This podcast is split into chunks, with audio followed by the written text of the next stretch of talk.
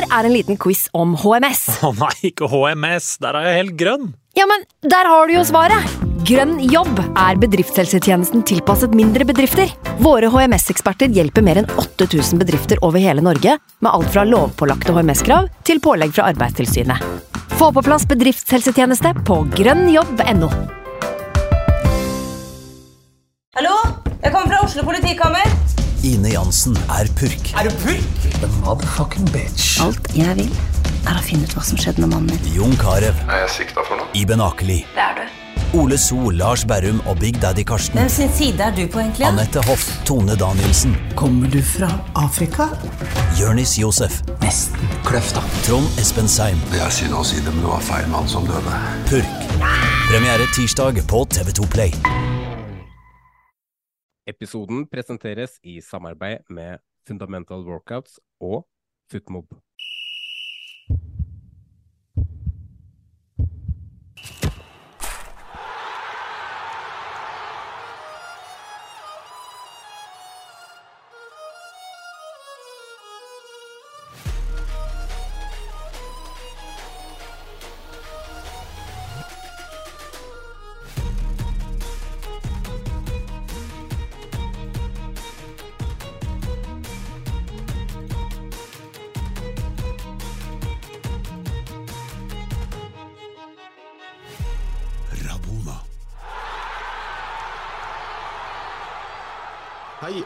Hjertelig velkommen til episode nummer 102 av eh, Rabona. Det internasjonale overgangsvinduet er stengt, i hvert fall i de aller fleste landene. og det er nå det kommer til å skje en del hos eh, de andre norske klubbene, hvis du ikke heter Glimt og Molde. da. Eh, Vi skal se litt på hva som rører seg i de norske klubbene.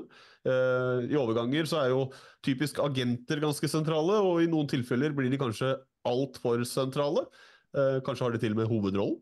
Eh, Spillere eh, samarbeider med agenter, og det samme gjør klubbene. I den forbindelse skal vi diskutere om en av klubbene tråkker over en grense, og om de har rett og slett utnyttet et system som burde vært bedre regulert. Eh, Det er litt av innholdet i dagens episode, og så blir det sikkert andre ting òg. Men da må vi få inn dagens panel. Det består som vanlig av Torstein Helstad, Frank Amundsen og Jonas Sundet. Jonas, episode 102. Der uh, hadde du lyst til å prøve noe nytt. Ja, jeg liker statistikk, så jeg tenker vi skal fra nå av begynne å referere til eh, Bruke episodenummeret og referere til statistikk, sånn som Alexander Schou og Thomas Aune har i fotballklubben, den heter den podkasten, ikke Du plagierer. Um, så ja, 102 Du kan jo et, Snorre, du kan tippe. Hva er det 102 eh, kan være? Eh, 102, det kan være størrelsen på troppen til Bodø-Glimt når overgangsvinduet er over. Ja, det, det er egentlig ikke så langt unna. Det var forrige episode, egentlig. Um, men nei da. Um, 102 det er antall baklengsmål Viking og HamKam har hatt de siste to sesongene, hver for seg. Det er antall plussmål Molde har de siste tre sesongene. Det er ganske imponerende. Er antall kamper Sarpsborg 08 har vunnet siden 2014 i Eliteserien. Og det viktigste, det er antall seriemål skåret av Morten Berre. Oh. Det er et fint tall, 102. Nei, Men, det var for deg. eh, Det var for deg. Kan du, ja, det er for meg. Men kan du, hvis du skulle funnet opp noe, du da? 102 statistikk? På sparket? Eh, antall eh, Glimt-kontoer på Twitter som blir oppløst eh, den dagen Kjetil Knutsen drar. Og Frank, eh, 102. 102 hva da? 102 for meg? Nei, eh, du spør godt. Eh, Jeg tipper at eh, Nå har jeg vært borte denne episoden, så jeg tipper 102 er antall ganger Jonas har nevnt meg i de podkastene jeg ikke har vært med i. ja.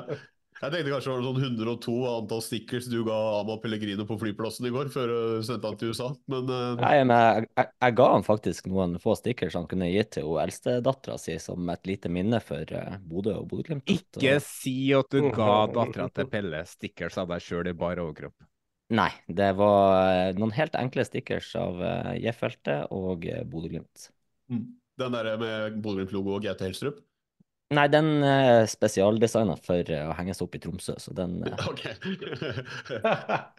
Eh, Torstein, eh, hvis du skulle funnet på 102-statistikk på stedet? Ja, det er 102 ganger jeg har stått uh, uregelmessig i offside, vil jeg tippe. hadde VAR vært der, hadde, ja, hadde VAR vært der, så hadde jeg Uff a meg, det hadde vært mye mer. Men i, i hvert fall, eh, Jonas har plagiert eh, en annen podkast. Det er jo inn om dagen å plagiere andre som har noe godt på gang, så da gjør vi også det. Eh, men det har jo skjedd Det har vært en stund siden vi var alle sammen samla sist. Og du, Torstein, du har til og med vært og spilt litt grann, fotball. Så vi må innom at du spilte en turnering på Lærdal, stemmer ikke det? Jo, stemmer. Ja. Hvordan gikk det?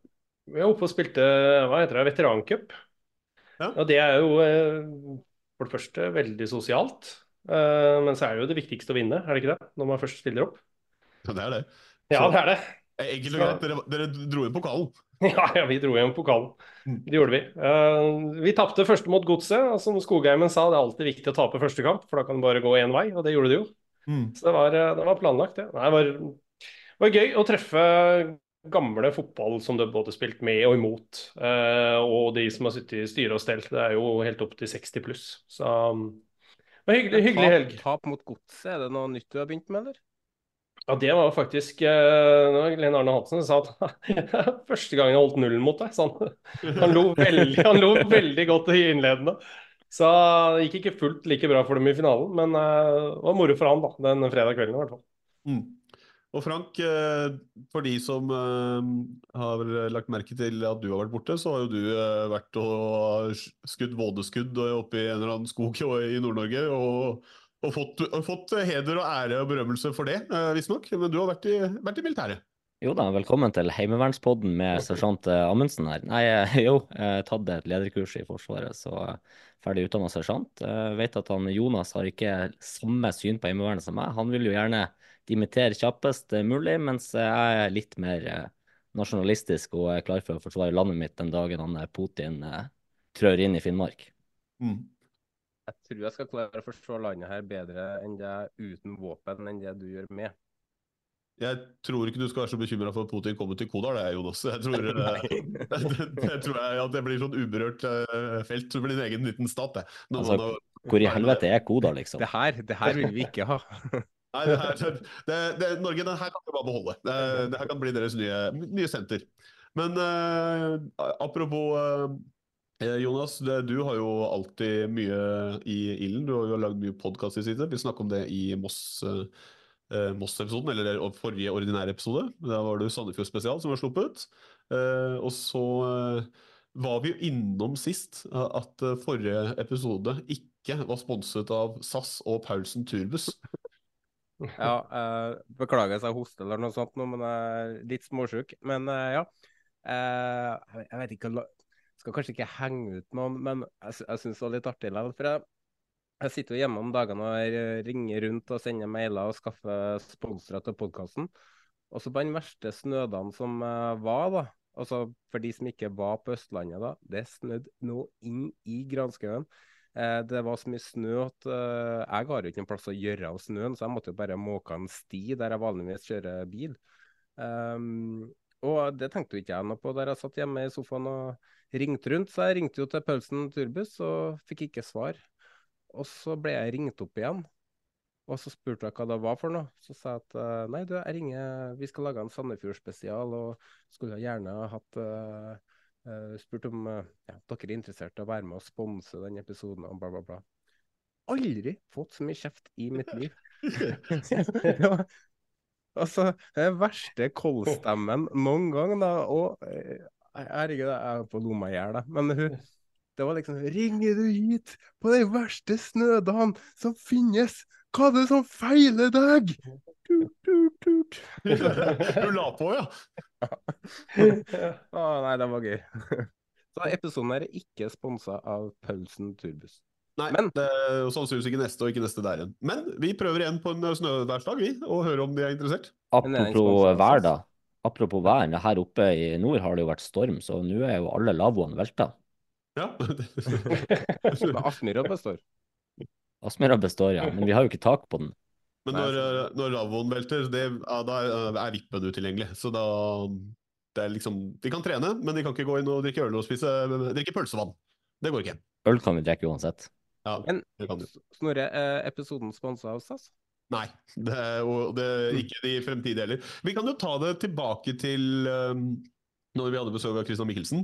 Uh, han, han var jo ikke akkurat uh, happy for uh, Wifi-dekninga han hadde fått når han skulle se, se eh, kvalik eh, Nei, siste serierunde, var det ikke sånn? Eh, eller noe sånt? Jo, Eh, han fikk, fikk ikke fulgt med på det, så han var litt misfornøyd med SAS. da. Og det tenkte eh, SAS at det må vi jo klare å toppe, for Feldal skal ut eh, på tur. Eh, som alt vondt eh, her i verden, så starter denne historien i Bodø. Eh, fordi eh, jeg og, og samboeren vi skal, eh, vi skal hjem eh, fra, fra Bodø. Eh, vi våkner opp eh, på, tidlig på morgenen og får først eh, beskjed om at flyet er kansellert. Ni-flyet er siste flyet til Oslo fra Bodø. er kansellert. Tenkte ja ja, da blir vi til i morgen, da, for det var litt dårlig vær òg. Helt fint, det. Men så får vi melding rett etterpå om at vi får et nytt fly som er flyet før. Og det er egentlig bare supert. Komme seg hjem litt tidligere. Dette Når vi drar på flyplassen, idet vi kommer til innsjekkbagasje, får vi beskjed om første utsettelse, som begynner å nærme seg ordinær avgangstid. Vi skjønner at dette kan bli artig med to små unger på, på, på, med på, på lasset. Uh, og så kommer det en ny utsettelse, og det blir etter den eh, siste flyturen. Og uh, siste vi hører, var liksom halv elleve. Uh, så halv elleve så skal flyet gå, og så får vi beskjed om at nå er det boarding. Men det står ingen der. Eh, Vi, vi står en time og venter før det kommer, eh, kommer noen. Eh, Det blåser jo, det blåser jo vannrett utafor, så jeg er jo egentlig usikker på om det blir noe i det hele tatt. Kommer oss til slutt på flyet, er vel i lufta halv tolv, tror jeg. Og det er det som er essensielt her. For når vi lander da i Oslo, så har jo ikke Bodø-SAS klart å si fra til Oslo-SAS om at flyet ikke gikk 22.30, men 23.30. Så når vi kommer, så er jo siste flytoget gått. Vi kan ikke ta taxi. Med, I hvert fall vi må stresse for å finne to barneseter. Flybussen har bare ett, så det går heller ikke. Ehm, så vi, eh, vi får, men så, ser vi en livlinje der, da. Altså, de har satt opp uh, shuttlebuss til hotell, så vi kan sove over der og, ta, og, og deale med dette i morgen. Det er bare det at den siste shuttlebussen den gikk ett minutt Uh, før vi kom ned til bagasjen. Så, og da hadde de stengt ned skranken. Uh, kundeservice var stengt, og vi ble stående på Gardermoen til ja, var vel eh, nærmere tre før vi kom på natta med en fem måneder og en, og en treåring som er overtrøtt. Og da sverga jeg på at eh, med mindre jeg må, eh, så skal jeg ikke fly SAS igjen. Det er, det, den sjansen kan jeg ikke ta når du reiser med små barn, at det kan skje. Så fy skamme seg, altså. Men moralen her er, det jo, er jo ikke reise til Bodø. Ja, altså Hadde vi bare unngått det fra starten av, så hadde jeg fortsatt vært SAS-kunde. Så det er det som er, det er feil ligger. Ja. Så, men eh, nok om eh, SAS, nok om eh, Bodø. Nok om, eh, nok om ting som ikke sponser episoden. Hva med ting som faktisk sponser episoden, Jons? Vi gjør det kjapt, men det er jo sponsa av Fundamental Workouts. da. Det er jo PT-tjeneste som jeg benytta meg av en stund nå. Eh, vi har spilt inn litt reklame for de tidligere, så jeg gjør det bare kjapt og enkelt. Hvis du trenger en PT, gå inn på fundamentalworkouts.com og få 2500 i rabatt om du bruker rabattkoden RABONA. Det er en eh, tjeneste som jeg har brukt siden november en gang, og eh, som fungerer veldig, veldig bra på meg. Så um, anbefaler å teste ut. Um, er du usikker, ta kontakt, book et møte, og um, se hva du får ut av det møtet. Ja, enkelt og greit. Men med det så tror jeg vi da starter dagens uh, uh, hovedtema, om vi skal si det sånn.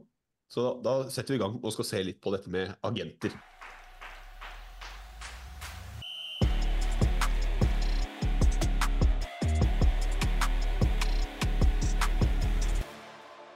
Terje Liverød har vært ute og slengt med leppa igjen, og siden vi snakket litt om agenter i forrige episode, så kan vi se litt nærmere på hva eh, Terje Liverød sa her.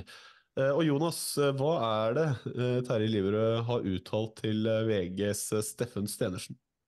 Jo, eh, han eh, Terje Livrød er jo med jevne, eller ujevne mellomrom aktiv i media, hvor han slenger ut med et eller annet. Stort sett er jeg uenig med han, eh, og mener at han uttaler seg om ting uten grunnlag, der han sitter og nyter sola i Uruguay eller i Tyskland, eller hvor han er. Um, han har hatt en tendens til å framstå som lite oppdatert, enten i form av en uh, påstått bestilling fra VG, eller hvor han uh, på egen hånd har skrevet en rapport om tingenes tilstand. Og når det gjelder nivået på norske spillere og norsk eliteserie, det kom han jo bl.a. med i fjor. Og jeg tror han da på det tidspunktet hadde glemt at Glimt og, Morje, Glimt og Molde hadde prestert ganske bra ute i Europa, da. Um, så um, nok om det. Det var ikke det han fyrte løs mot denne gangen. For denne gangen så syns jeg han traff bedre, for nå forholdt han seg i hvert fall til fakta. da. Nok et eksempel på at uh, en blind høne også kan finne korn. Uh, så jeg skal, skal oppsummere litt fra artikkelen, eller Snorre? Ja, hvis du vil. Jeg bare legger merke til at uh, var, han har skrevet en bra artikkel fordi du er enig, eller? Er det det som Ja, egentlig. så. Nei, men uh, altså, sånn som i fjor, da, når han går ut og kritiserer norsk fotball, så var jo omtrent alle uenige med han. Og han kom jo med påstander som ikke altså, Det var ikke mye faktabasert der, da, syns jeg. Har det, det, da føltes det jo som at han var fem år tilbake i tid når han kom med de uttalelsene. Han bomma jo helt på epoke. Ja, for hadde han tatt det ti år tidligere, så hadde jeg jo forstått den. Men han gjorde jo ikke det. altså Det var jo på samme tida som Braut Haaland, Martin Ødegaard, Alexander Sørloth osv. Eh, presterer på ganske gode klubber ute i Europa. Så det, og I tillegg til at norske klubblag gjør det bra i Europa for første gang på ti år, og et landslag som på det tidspunktet så ut til å være på vei mot et eller annet, så det var jo eh, tidspunktet så var jo Han hadde jo bomma. Men her, da, så kan jo i hvert fall eh, se på fakta uh, i det han sier. Han sier bl.a. at uh, speider Jomvik har uh, rolle i Molde samtidig som han jobber for agent Jim Solbakken. Og I den forbindelse så var jo Terje Liverød ute og uttalte seg igjen. Um, uh, den mangeårige speideren og agenten Terje Liverød reagerte på at speider Jon Vik jobba for både Solbakken og Molde. Um, agent Jim Solbakken representerer 18 av Moldes 28 A-lagsspillere.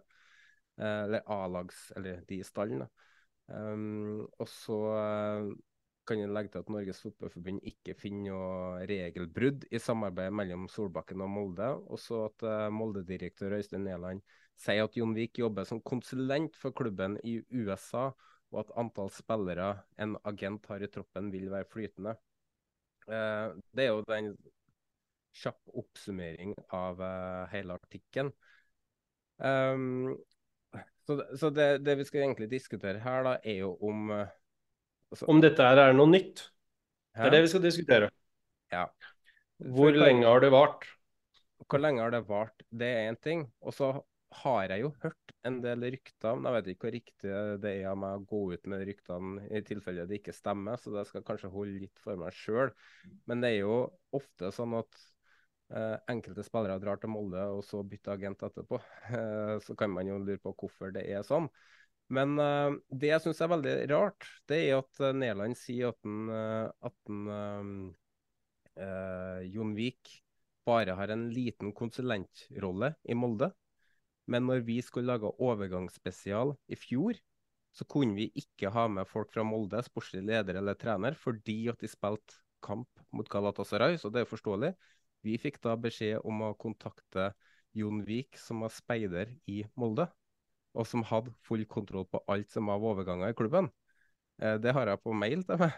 så, det er jo jobben i Molde, eller jobben ikke. Det er jo det som er um, Det som er sikkert her, det er jo at Molde bryter ikke noen regler. Det må vi skrive under på.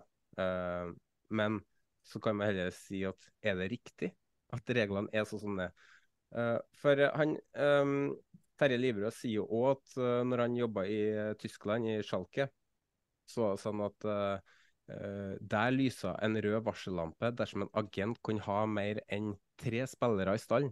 Og her snakker vi 18. Nummer to på lista er Bodø-Glimt og Viking, hvor Atta Neke har seks spillere i Glimt, og Jim Solbakken har seks spillere i Viking. Lillestrøm, Atta Neke der òg, fem spillere. Haugesund har uh, Hamichi, som har fem spillere. Brann har Vivstad og Sjølø, som har fem spillere. I KFUM så har du Adam Poor og André Kjell Lindbekk, som har fem spillere. Altså, Molde har tre ganger så mange spillere under Jim Solbakken som Bodø-Glimt har under Atan Eke. Og da begynner vi å da, da, begynner i hvert fall jeg å tenke hvor mye makt har egentlig Jim Solbakken og agentselskapet i fotballklubben Molde, når du har 18 av 28 spillere som har Ja, jeg vet ikke. Hva tenker dere? Jeg tenker først og fremst at eh, På generelt grunnlag så er jeg positiv til konsulentvirksomhet, da, for det er det jeg jobber som. så jeg bare skyter inn eh, det. Men eh, akkurat den eh, bransjen her er jo omdiskutert. så Torstein, du, du har jo deala med eh, overganger, du, eller kanskje ikke du, men du har jo vært en del av overganger og agenter. så du, Har du kanskje noe eh, å komme med der på kontra hvordan det var før, eller om det kjennes annerledes ut, f.eks.? At det er såpass mange er vel kanskje øh, ganske overraskende. Men at man vet at mange av de spillerne som har hatt andre agenter som har kommet til Molde, har byttet underveis, det har vi jo vært borti. Det har jo vi opplevd også. Eh, At han har en sterk hånd inn der og hatt det i lang tid, det, det vet jo alle. Det er ikke noen sånn skjult hemmelighet. Eh, Og så er det vel sånn at jeg tipper at han følger sikkert ikke opp eh, alle de 18 like nøye hele tiden. Det er nok sikkert noen som er der som eh, Noen av dem går av seg selv. Eh, Noen ser han på som han kan flytte, som er aktuelle, og noen er bare med han fordi det er Jim, vil jeg tippe. Eh, Men han, han styrer jo ganske mye da, i en garderobe sånn sett. Det, det gjør man jo når man sitter med 18, og sikkert av de med de mest kjente navnene også. Så, så har jo Jim Men Jim har jo hatt en eh, god standing i den fotballklubben i mange år. Dette her er ikke noe som har skjedd det siste året. Det er det jo ikke. Uh, og så er jo mange av dem flinke til å bøye det regelverket, så det, det her er helt innafor. uten at jeg kan regelverket i hodet og har satt meg inn, for mye inn i det. Um, men jeg tror det er litt sånn flytende, det tror jeg nok. Uh, spillerne er jo også sånn, hvis du ser at du ikke får den oppfølgingen du mener du fortjener, så ser man seg ut etter andre. Så blir man jo Presterer man godt, så er det jo andre som er på dem også. Eh, men det er vel fordi han har hatt det sterke navnet såpass mange år at det er enklest å gå til Jim, f.eks. Ja. Frank, brant du inne med noe? Nei, jeg reagerer jo litt når jeg hører det høye antallet. og så, som Torstein sier, da, det er jo ikke noe, det er jo ikke noe ukjent for eh, de fleste at han Jim Solbakken har et godt forhold til Molde. Eh, man må jo også faktisk si det som det er, da. Jim Solbakken er sannsynligvis Norges dyktigste agent, eh, uten at jeg skal Uten at jeg nødvendigvis støtter fyren for det, eh, for han har nå sine skjelett i skapet, han også. Men eh, ja, eh, statistikken han Jonas legger frem, er jo i hvert fall eh, bemerkelsesverdig. Jeg, tenker også, det er, det er vel ikke bare eh, sa Jon Vik som hadde en sånn konsulentjobb, det er vel også Inge André Olsen har vel tatt på seg en type konsulentjobb i Stabæk, så det er jo eh, en omgåelse av, eh, av regelverket, er det ikke det? Jo, det, det er jo det, da. Men så er det jo det at uh, at Jon Vik han er speider for Molde, og han er speider for agentselskapet til Jim Solbakken. Mm. Og så er jo, når han da speider på unge spillere, så har han altså det, det, De får jo en kjempefordel her òg, da. Han kan scoute et ungt talent, f.eks. Hei, um, vi vil gjerne prate med deg. Her, signer for Jim Solbakken. Poff, gå til Molde. Altså, de Mm. får jo en, så kan man jo si at det er jo genialt. Uh, det er det jo. Eh, det er jo ikke noe som helst tvil om, så de har jo funnet en eller annen måte som fungerer eh, for de, som gjør at de får profitt. Men er det riktig? Burde reglene Burde man jo stramme inn på, på friheten som agenter har? Vi var jo inne på det siste episode. og at um, Jeg mener jo at en agent skal jo være um, ansatt av en spiller, da. Men så likevel er det klubber som må betale skyhøye agenthonorar. Det, det er så mye innenfor agentbransjen som jeg syns er feil, samtidig som jeg også mener at agenter er helt nødvendig i fotballen for at det skal gå. Eh, I og med at det er så mange klubber som skal kontakte den ene og den andre. Og spillere er nødt til å ha agenter for å håndtere alt som skjer rundt. da. Men eh, ja. Eh, jeg tenker litt sånn eh, at du har jo Du har jo et regelverk.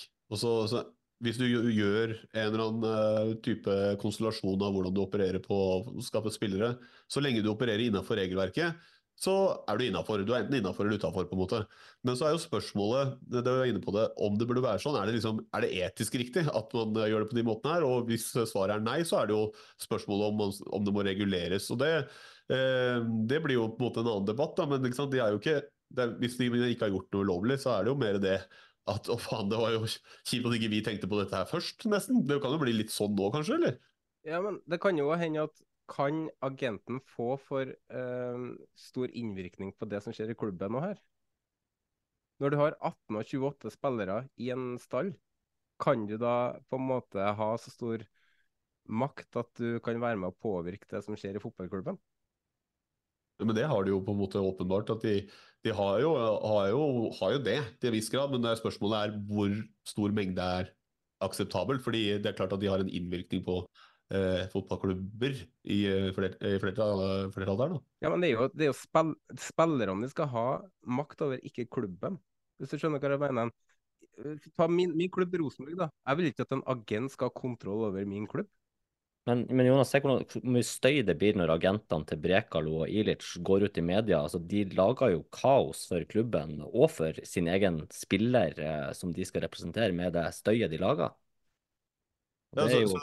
så, de har jo en innvirkning uansett, men eh, spørsmålet er om de har funnet en businessmodell som gjør at de kan få enda litt mer eh, innvirkning, og samtidig tjene eh, sannsynligvis ganske mye bedre. Fordi de, de, har den toveisstrømmen da, med med spillere som de kan måtte både selge inn og selge ut fra klubben, og gir gylne muligheter. Men Torstein, du, du, har prøvd deg som, som agent selv.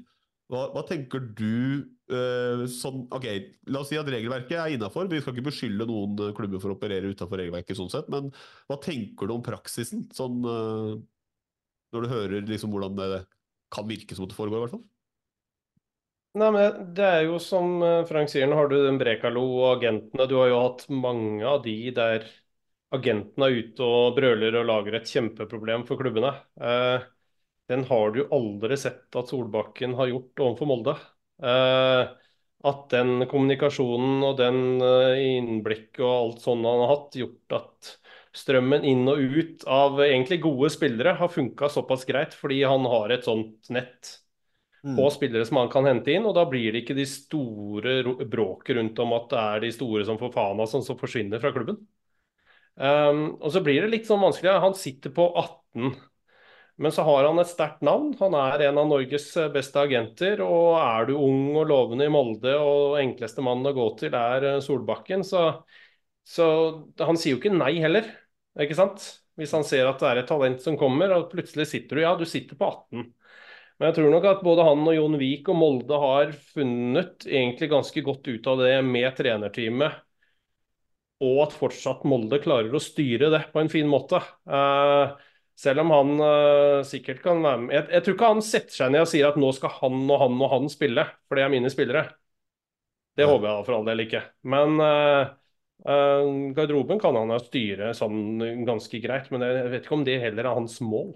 Men hvor mange hvor, hvor, stor kontroll har han på spillerne som kommer inn til Molde? For Hvis jeg ser på spillerne han har, da, i, som Jim Solbakken har i sin stall, så har vi jo Kasper Øyvand. Han kom jo i sommer. Eh, Fredrik Gulbrandsen kom i sommer. Veton Berisha kom forrige sesong. Mats Møller Dæhlie, han kom nå. Det er mm, bl.a. Erik Hæstad. Han kom i sommer. Haldor Stenvik kom i sommer. Og det er um, han Roaldsøy som kom nå mm. i vinter. Så det er nesten sånn at alle spillere Molde henter, er elever av Jim Solbakken. Elever, faktisk. spillere under Jim Solbakken nå. Så er det tilfeldig? Nei, det er ikke tilfeldig i det hele tatt. Uh, det er kanskje de ansatte som agent for klubben. Du vet, Noen klubber bruker jo agenter akt veldig aktivt. Det gjør de jo, ikke sant? Det er jo ikke Så er det enklere å Nei, det er jo ikke lov. Men eh, det er jo, eh, ikke sant, når du skal ut og jakte spillere, så tar du jo ser på nettet rundt ditt for å se hva som er aktuelt og hva de har. Det, det, er jo ikke noe nytt, egentlig. Det er det ikke. Men så er det kanskje enklere å ringe til Jim enn det er til andre mm. uh, som har oversikt. Det vil jeg tippe. Så um, Nei, jeg tror ikke det er tilfeldig at det er bare mange av hans som kommer inn. Det er det ikke. Men, men jeg tenkte på en ting, fordi jeg, kanskje noen kan hjelpe meg med en uh, saksopplysning her. Men man ser jo innimellom at, uh, at uh, folk som har hatt roller i, i sportslig ledelse, eh, kanskje når de gir seg i klubbdrift, eh, hopper over til agentvirksomhet og i noen av de etablerte. Nå vet ikke jeg, Er det, en sånn, er det noe sånn pålagt karantenetid der, eller kan man begynne å sette i gang med en gang? Er det noe som heter det? Begynte vel rett på uten, ja. Ja. Fordi jeg tenker jo at eh, det er også et sånt problem rundt det, er at hvis du kan ha eh, vært på den ene sida av bordet, eh, og så plutselig sitte på andre sida av bordet eh, når eh, du har gått ut oppsigelsestida di eller sånne ting, eh, da, da, det, det vitner for meg, da, og det er det som er poenget, jeg skal ikke si hva som er rett og galt her, men eh, det vitner for meg at det, at det kan finnes hull eh, i regelverket, så at det kanskje en gjennomgang av hvordan man ønsker at norske klubber eh, skal forholde seg til agenter og, og spillere i forbindelse med overganger for en ryddere prosess, hadde i hvert fall vært fornuftig. da. Du sier jo begge sidene av bordet her, og Mikke Dorsin hadde jo ikke vært Han var jo agent i Nordic Sky. og Han var jo ikke i Rosenborg lenger enn et kvarter før han begynte å hente spillere fra Nordic Sky. Og Det var jo en uh, ganske sterk debatt i uh, Trondheim på den tida der, at uh, Adresseavisa var jo veldig på der. At uh, For hver spiller de henta, så var det inne og sjekka åssen agent, agentselskap kommer han fra. og Da var det flere fra Nordic Sky-selskapet. så det er jo eh, Jeg er litt enig med deg der, Snor, at kanskje ofte når du blir kjøpt opp eller eh, noe sånt, så har du en eh, karantenetid i vanlige bedrifter og sånn. Er ikke det noe sånt, da? Uh, Jo, det er i hvert fall, altså, du kan jo dra det parallelt til andre deler av samfunnet. At hvis du eh, eh, går ut av, eh, av Stortinget f.eks., så har du en karantenetid før du kan begynne å jobbe som eh, i lobbyistbransjen eh, innenfor eh, kommunikasjon og markedsføring og, og sånne ting. Så du har jo en sånn karantene. Det er ikke sikkert det hjelper så veldig mye, for du bare venter litt, men det er i hvert fall litt sånn at verden har rukket å gå videre. Noen overganger har skjedd, eh, hvis man skulle sett sånn. at eh, det er ikke sånn at du slutter og du vet at den spilleren i den klubben vil bort nå, og eh, vi har en god dialog og bare signer den over med en gang, så fikser jeg det. Du tar jo med deg den informasjonen, så det er ikke sånn eh, Men jeg føler kanskje det er et ansvar for klubbene å bli enige i, eh, i forbindelse med de rette institusjonene i Norge om hvordan er det vi har lyst til at eh, vi skal forholde oss eh, til dette her. Fordi det, Hvis folk opererer forskjellig, men innafor regelverket, det er da du får som forskjellig praksis og og, og kanskje økonomi også selvfølgelig spiller inn. At man kanskje skal finne en mer eh, level eh, playground, eh, noe sånt. Altså gjøre det litt mer eh, fair fra, fra bånda, og så får man jobbe derfra. Det største problemet med agentvirksomheten er jo det at det er blitt altfor svært. Altså, klubber betaler jo av overgangssummen til agenter. Her er jo egentlig en tjeneste. En agent jobber jo egentlig for spilleren. Det burde være sign-on-fien til spilleren som det går en sum av til agenten. Det er ikke klubben som skal betale for at agenten jobber for spilleren. Det er jo det største problemet med det. Jeg sier som Ulrik Saltnes. agenten er noe jævla tøv. Ja, eh, både og. Agenter er nødvendig, men, eh, men måten, også, måten de har muligheten til å tøye regelverket, den er Altså, de, de har for mye frihet, da. Eh, at du kan gjøre deg steinrik på at en spiller flytter fra én klubb til en annen. Det er jo uh, Ilish-saken er jo en, et eh, eksempel på, på det, f.eks. Uh, masse er det eksempler fra utlandet hvor agenter aktivt jobber for at en spiller skal bytte klubb, fordi at da vil den agenten få ganske mange millioner i egen lommeboke. Så, så vil alltid spørsmålet være vil agenten jobbe for spilleren sitt beste, eller jobbe for egen lommebok. Hadde det vært eh, regler og regulering der, så tror jeg flere agenter hadde jobba mer aktivt for spillerne sitt beste. Og så er mitt inntrykk av at norske agenter stort sett, i hvert fall i 2024, gjør akkurat det. da. Men der kan du se, hvis, da kan jo en agent også få en del av den sign-on-fee-potten hvis en spiller forlenger med en klubb. Da har jo agenten en gevinst i det å klare å få spilleren til å være der han kanskje er best. Altså Se nå på kan snakke om min egen klubb. Glimt har solgt ut en del spillere som ikke nødvendigvis har lyktes. De hadde det godt i Glimt, de kunne forlenga med Glimt. Agenten kunne vært fornøyd, de kunne fått en høyere lønn i Glimt og fortsette å prestere på banen og ikke sitte på benken i utlandet. Dermed får de prosent prosenter av sign-on fin til Glimt, så blir du rik òg. Ja, og da er det jo bare å pensjonere seg, da. da trenger vi... Så plutselig har vi ikke agenter, for alle har solgt én spiller fra Glimt. Men, men uh, Torstein, når du var agent, var du en sånn agent som tenkte på spillerens beste, eller var det lommeboka som, uh, som var drivkraften? Nei, jeg, jeg var jo han sitter jo på gulvet. Jeg si- sitter på gulvet og spiller inn, så nei, det var ikke lommeboka. Nei, jeg hadde mer den oppfølginga av spillerne som vi hadde i stallen. Så jeg var ikke mm, med på så veldig mye av de forhandlingsbiten. Jeg hadde mer den oppfølginga av, um, av spillerne. Og det aspektet syns jeg er, uh, om ikke like viktig Ja, det er jo viktigere, egentlig. At spillerne føler seg opp, uh, blir fulgt opp. Føler at de blir sett, og den biten der. Og det er mange spillere som opplever Eh, andre ting enn bare den overgangsgreiene, men presset rundt og sånn, som eh, kanskje ikke alle agentene er like opptatt av. At de vil ha salg, penger inn, og så er vi ferdig med den spilleren, og så henter vi en ny en. Det jaget ble større når eh, lisensen forsvant for en del år siden. Da var det veldig mange nye som kom på, på banen som ikke hadde samme nettet, men uh, visste og kjente mange spillere. Men var mest opptatt av å få de videre, og så henter vi en ny en. Um, så det aspektet å ta vare på spilleren syns jeg er like viktig oppi det, alt det her. altså. Og så er dere, Vi har hørt og lest mange eksempler fra talentleirene. Hvor, eh, også et eksempel fra Jim Solbakken fra Statoils talentleir og 2005-tida eh, der. Jim Solbakken hadde talentleir sammen med Solskjær, og skal man si hvor etisk riktig det at en agent er med å styre det, og signa jo hver og en spiller som var der omtrent. Um. Og nå er det jo på dere talentleirene på Pors i Porsgrunn f.eks. Så står agentene på rad rekke klart til å signe. Jon Arne Riise hadde jo en uh, greie for noen år siden hvor han sendte SMS til alle som hadde fotballsko på beina. Så du har den måten agentene henvender, henvender, seg til spillere nå, er jo det er ganske aggressivt. Og så er det lett ja. å forstå, da, for de må være tidlig på for å sikre seg de unge spillerne. Men eh, altså, jeg har eh, vært lagkamerat eller trener til fotballspillere som har tenkt at de her kommer aldri noen gang til å nå lenger enn tredjedivisjon, og så har de en agent.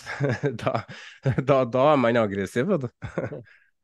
ja, men det, det starter i en tidlig alder, altså. At uh, det blir snakk om agenter blant spillere. Uh, jeg skjønner jo problemet med de talentsamlingene. Nå er, er, vel de utestengt nå i år, kan det stemme at jeg har sett det rett? At nå er det ja, ikke lov? Det det var, noe sånt, ja. At de, ja. det, trøkket på de unge spillerne var rett og slett for stort, så de stengte det.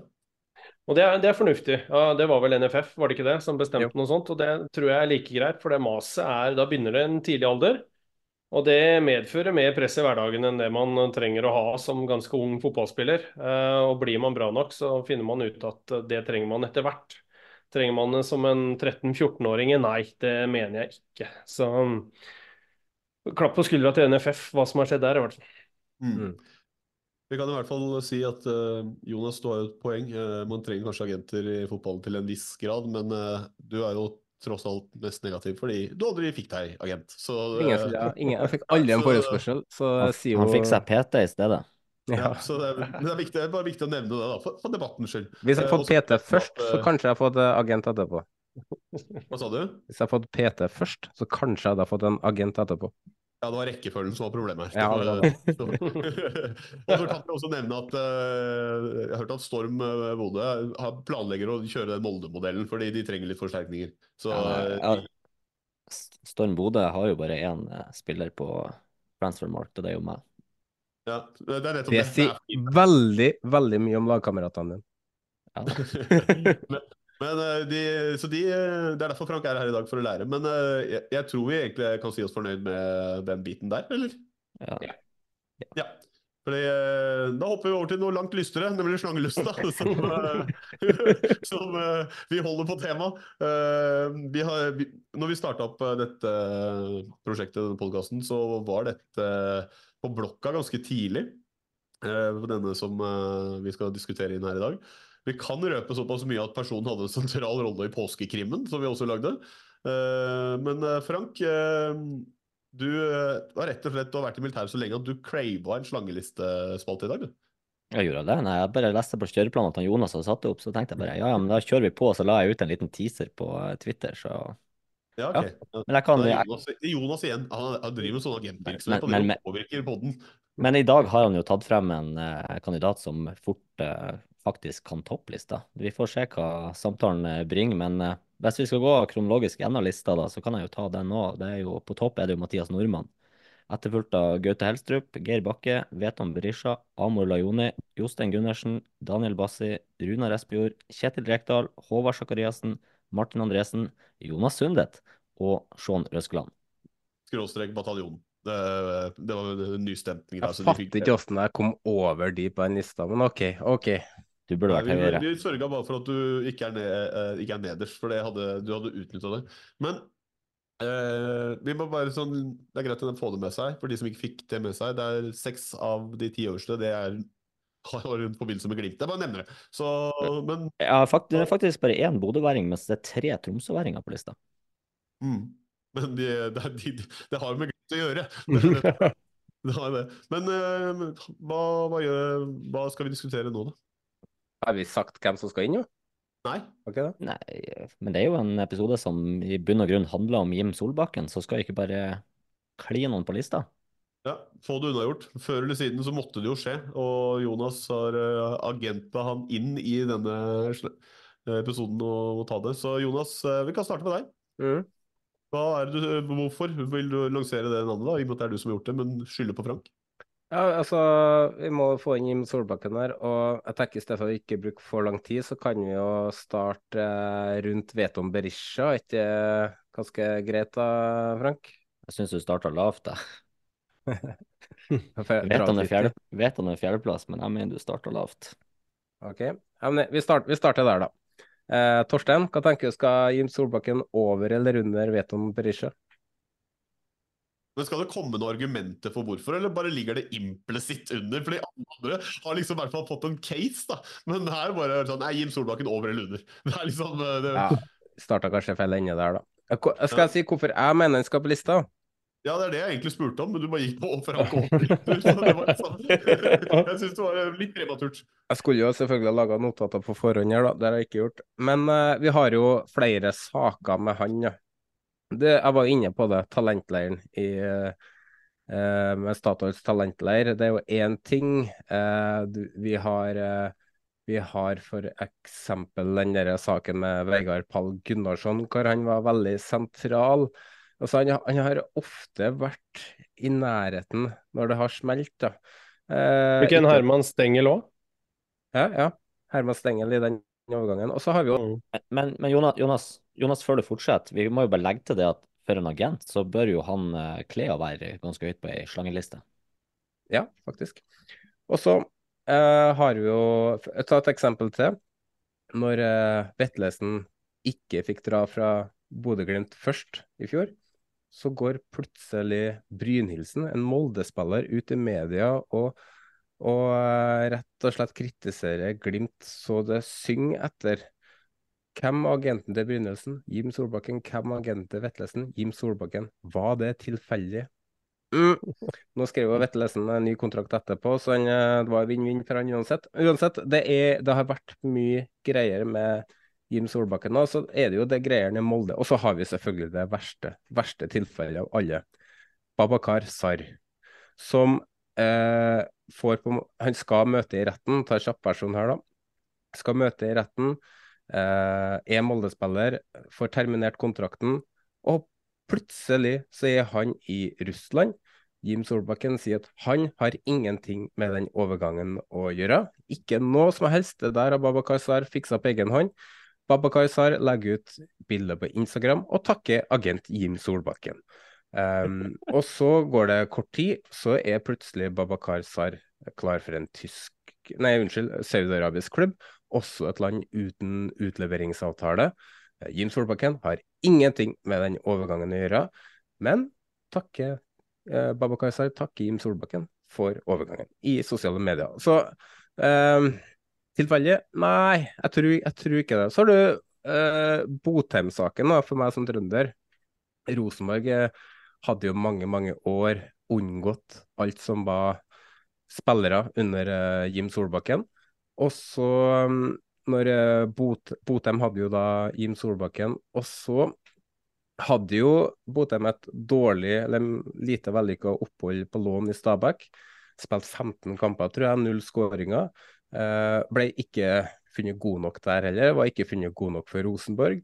Eh, og da ville Botheim terminere kontrakten for å restarte ned i divisjonene for å, kom, for å få bygd opp karrieren igjen.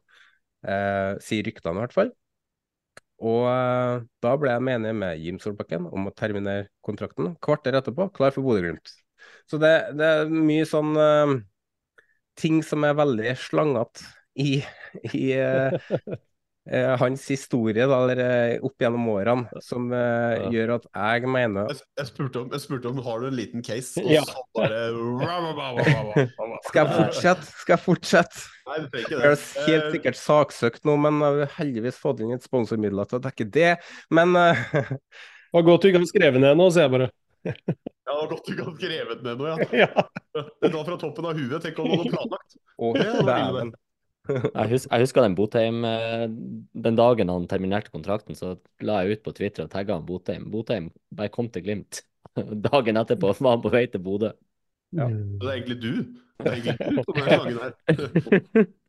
Men eh, ja eh, da Jeg har sagt ikke- mitt, da, så kan jo spille ballen over til de to andre her. Det er din kandidat, da. Så Frank, eh, du mente allerede Du sa veto på fjerde. Ja, altså, det her er langt, langt over vetoen. Ja, ok. Oh, ja, ok, Så vi kan uh, få pall. Uh, Torstein, da? Ja, jeg også Han burde nok inn på pallen, ja. Det vil jeg nok si. Ok. Nordmann, nordmann er vanskelig å gni seg på uansett. Ja, den er, den er For meg, altså. Det går ikke bare. Det er argumenter for å få noe der. Nei, altså, nei, men jeg, jeg er helt, eh, helt seriøs. Jeg står og vipper mellom hvem av de to som skal være øverst. For at eh, nordmann eh, forkastelig eh, alt, alle de valgene han har tatt. Og så det å bli værende i Russland under krig og deretter gå til Saudi alle plasser. Jim Solbakken er nesten på linje der for meg. Altså. Eh, Men eh, Jonas, det, nå var vi over vetoen, og så på topp tre der så er det, det er, um, Geir, Bak. Geir Bakke på tredje, Gaute Helstrup på andre og nordmann på Ja. Så Geir ut av pallen, Jonas. Uh, ja, Geir er ut av pallen. Altså, Geir Bakke og Gaute Helstrup de, de, de er ganske likestilt, egentlig. da, så Hadde dette her vært uh, Uh, Salt Lake OL, så hadde det vært Frode Estil og Thomas Alsgaard her med delt andreplass uh, før det her. Men eh, jeg mener at det skal diskuteres om han skal over eller under Mathias Nordmann. For ja, Mathias Nordmann han er i Russland, han er i Saudi. Jim Solbakken han får dem litt, og han tjener òg ganske mye penger på det. Så ja. Nei, men det, ok, Så det er én eller to. Og da, Frank? Toppen eller andreplass? Nei, jeg, jeg sier del den førsteplassen på de to slangene. Å, herre fred. Her kan vi gjøre det, altså. Eh, Torstein? Jo, den, den er Ja. Nei, hvis jeg skulle sagt én eller to, så ville jeg sagt to. Og Jonas? Ja, nummer én. Nummer én? Ja, men Da tror jeg kanskje, Frank, at du er nødt til å bestemme deg. Nei, hvis Men, men hvis han ikke har bestemt Hvis Frank ikke klarer å bestemme seg, da kan du avgjøre det, Snorre. Ja, nei, altså, jeg er klink på Mathias Nordmann. Ja, da, da, kan, da kan du utligne, Frank. Jonas vil alltid bare at jeg skal være den vippende så lenge jeg liksom stikker huet litt fram. Men hvis det ikke går hans favør, så kan noen andre få lov til å stikke huet litt fram. igjen. Du mista akkurat stemmeretten din er du nå. Ja, jeg gjorde det. Men jeg, jeg kan være ærlig på det, at uh, Mathias Nordmann for meg er en på den lista. Og at uh, en uh, finfin andreplass, det er pett, men det er liksom sånn der, en halv hjullengde da, når du uh, i et sykkelløp det er over streken der. Så, men uh, Frank, bare for ordens skyld, hvis du må velge en eller to. Nei, jeg jeg respekterer deg og Torstein da på andreplass. Ja. Men Jonas, du har, uh, du har æren i behold. Ja. Nei, ikke Torgeir Kari Jakkesson. Men, Men, eh, men husker dere den gangen vi sa at eh, Husker dere den gangen vi sa at åh, vet om Brisja, ingen kommer noen gang til å toppe det. ja, det, det, det, Den gang da. Men femte. uh, tilfelle Jonas blir uh, saksøkt, da, så kan vi bare avslutte med hele spalten og si Jim, nei, vi bare tulla. Vi bare tulla. Det, var bare fleip. Så uh, vi må gå, vi går videre. Så ikke tenk på det her, Jim. Vi går videre. Jeg mente hvert et ord. Ja, Men uh, vi andre uh, hadde ikke noe med det her å gjøre, så, ok. så gå på Jonas. Nei, men uh, da har vi vi bør, bør vi redigere litt her? Det kan hende. Men eh, vi, uansett, vi uh, hopper videre. Førsteplass er eh, fortsatt Mathias Nordmann. Uh, Jim Solbakken på andreplass, og da blir det Gaute Helsrud på tredjeplass. Det er fint tall. Fint tall. Da skal vi rett og slett få litt grann, uh, reklame før vi går over til litt rykter og overganger osv. Rabona. Episoden er sponsa av Footmob. Vi har gått inn i et samarbeid med Footmob for hele 2024. Footmob tilbyr oppdateringer fra fotballkamper på direkten, omfattende statistikk fra Oppda, og siste nytt om store og små klubber fra hele verden. Om du er fotballinteressert og ikke har Footmob-appen på telefon, bør du virkelig laste den ned med en gang. Er det én ting som er sikkert, så er det at du ikke vil angre. Det her er en app som jeg har brukt i flere år, og vi er derfor utrolig glad for at vi har med oss Footmob på laget for hele 2024-sesongen. Rabona. Overgangsvinduet det er som eh, nevnt i eh, innledningen eh, stengt i de aller fleste landene. Også i Norge så åpna vi det når de aller fleste stengte. Så da blir det aktivitet her, da. Det er noen andre land i, i pratende stund som også har oppe litt grann til. Men i hovedsak nå så kan man jo forvente at det kanskje skjer noe internt, da. Og denne, denne episoden her eh, skal vi dekke litt hva som rører seg der. og nå, nå, gjetter jeg, men det er Frank, det er vel du som er eh, Rabonas Fabrizio Romano og har oversikt? Ja, da er du jævlig dårlig å gjette, men jeg har i hvert fall gjort en liten innsats her for å få opp ei liste med litt navn vi kan diskutere, da. Ja. Først, først ut er jo Bråtveit, keeperen, som ser ut som at han skal til Strømsgodset, klubbløs til Strømsgodset for å erstatte Viljar Myhra? Ja, um, jeg syns det er en veldig fornuftig overgang av uh, både spiller og klubb. Uh, fordi at um, de erstatter en skuddstopper med en skuddstopper. Um, Bråtveit er ikke noe Messi med ball i beina. Uh, det heller, var heller ikke Myhra. Um, begge to klart best på strek, reaksjonssterk. Um, matchvinnere, uh, spesielt på gode dager. Så i tillegg kommer en gratis, sikkert en liten sign-on-fee. Uh, får rundt 10 millioner for Bråtveit her. Så god butikk av, av godset. Så har de allerede henta inn Frank Stopple, som jeg i hvert fall da, for et par år siden mente og trodde skulle bli en veldig god erstatter til Egil Selvik i, i Haugesund. Og så har han ikke tatt de stegene enda. Um, kanskje tar han i godset og kan være klar til å ta over når Bråtvedt er lei av å bo i Drammen. Jeg syns jeg så noen som skrev på Twitter at målet til Bråtvedt var å spille for samtlige norske klubber før han la opp. Men uh, det er kanskje ikke, kanskje ikke, det som står på agendaen uh, egentlig. Men hva tenker du, Torstein? Er det en fornuftig overgang for, for begge parter? Ja, det er det. Og det er sånn godset må gjøre det, som Jonas sier. Det er, det er ikke så mye penger i omløp, så at de får noe gratis. Det koster litt å signere en, men jeg tror også at det er en god erstatter for en William Myhra som var bra i, i fjor. Så jeg tror det blir en eh, bra match for, for Godset. Mm. Må hylle Godset litt, egentlig. Fordi mm. uh, de siste to overgangsvinduene til Godset det har vært uh, noe helt annet enn hva vi har sett årene før, hvor de har slitt med økonomien. I sommer gikk det jo kraftig pluss på de salgene de gjorde. Fikk en Ulland Andersen hjem, Sørmo. Eh, gode spillere som kommer inn der. Og så Melkersen har de nå signert permanent, har ikke det? Jo. jo. Og eh, de har henta de, de solgte Stenvik til, til um, Molde for gode penger, og henter Jesper Toje for det har kosta litt, han òg, men de har, de har, gjort veldig gode signeringer siste to vinduene og gjort gode salg. Så Jostein Flo og Jørgen Isnes har virkelig mm. Eh, rett og slett driver og bygger noe veldig bra i godset som kan være en slags outsider til topp seks i år, tror jeg.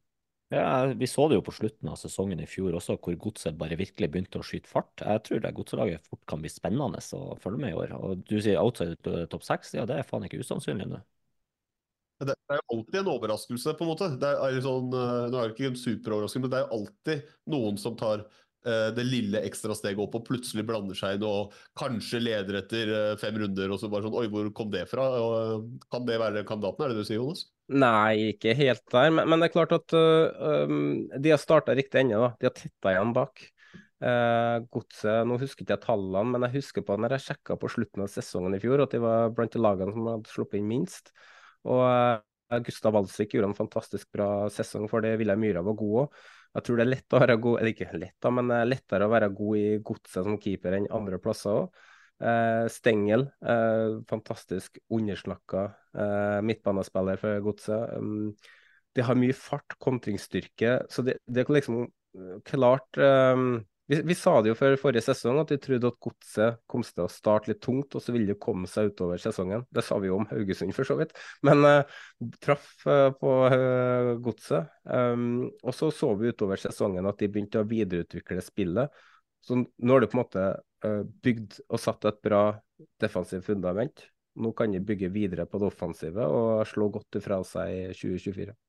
Og det, og det å få en Melkersen permanent, altså den gutten der er et enormt talent. Jeg snakka han mye opp i fjor høst når han var på lån til Godset. Jeg har jo sett han på ungdomslaget i Glimt og sett han på utlån fra Glimt til Ranheim før vi solgte han til Hibernians i Skottland. altså det er, han, han er, det er så mye krydder med han at jeg bare gleder meg til Hva for han uh, i denne overgangen? Nei, det, det har, jeg har ikke sett noe sum på hva de har gitt for han. Men altså, Glimt solgte han jo til Liburnian for en åtte millioner, bare. Så det var jo et, ja. uh, sånn sett et, et, et lavt salg til Glimt å være skal jeg sette å være høy på meg sjøl her. Å herregud, de øya du hadde der nå. Det var, det var Men nei, poenget mitt var jo at de gikk vel nærmest sideveis de, fra Braut Brunes, eh, som de solgte for over 30, tror jeg.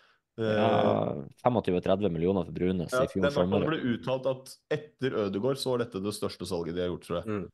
Ja.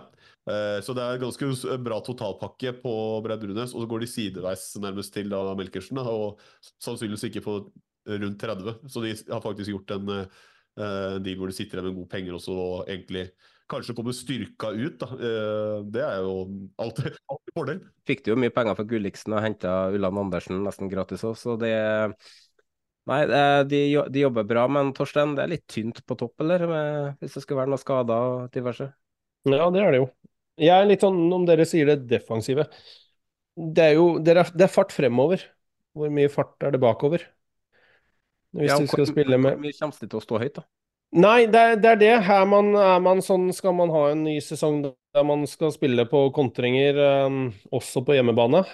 Uh, jeg veit ikke. Det, det kan kle dem med den farta de har offensivt. Det kan det gjøre.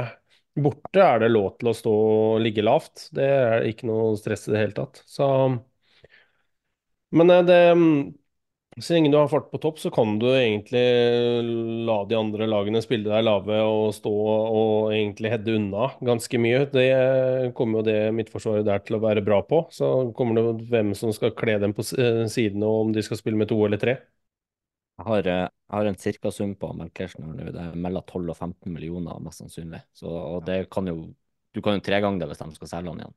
Ja, Så det er en god deal. ikke sant? Det er, det. Det, det er i hvert fall en god deal. De sitter igjen med penger etter å ha bytta, bytta um, spissen sin, og så kanskje er det til og med en eh, bedre match med en eh, veldig lovende Melkersen der, som eh, gikk egentlig rett inn og så eh, ganske spennende ut i fjor. Så eh, ja, nei, det er jo testament da, til at det jobbes eh, godt på, på Marienlyst. Det var én overgang.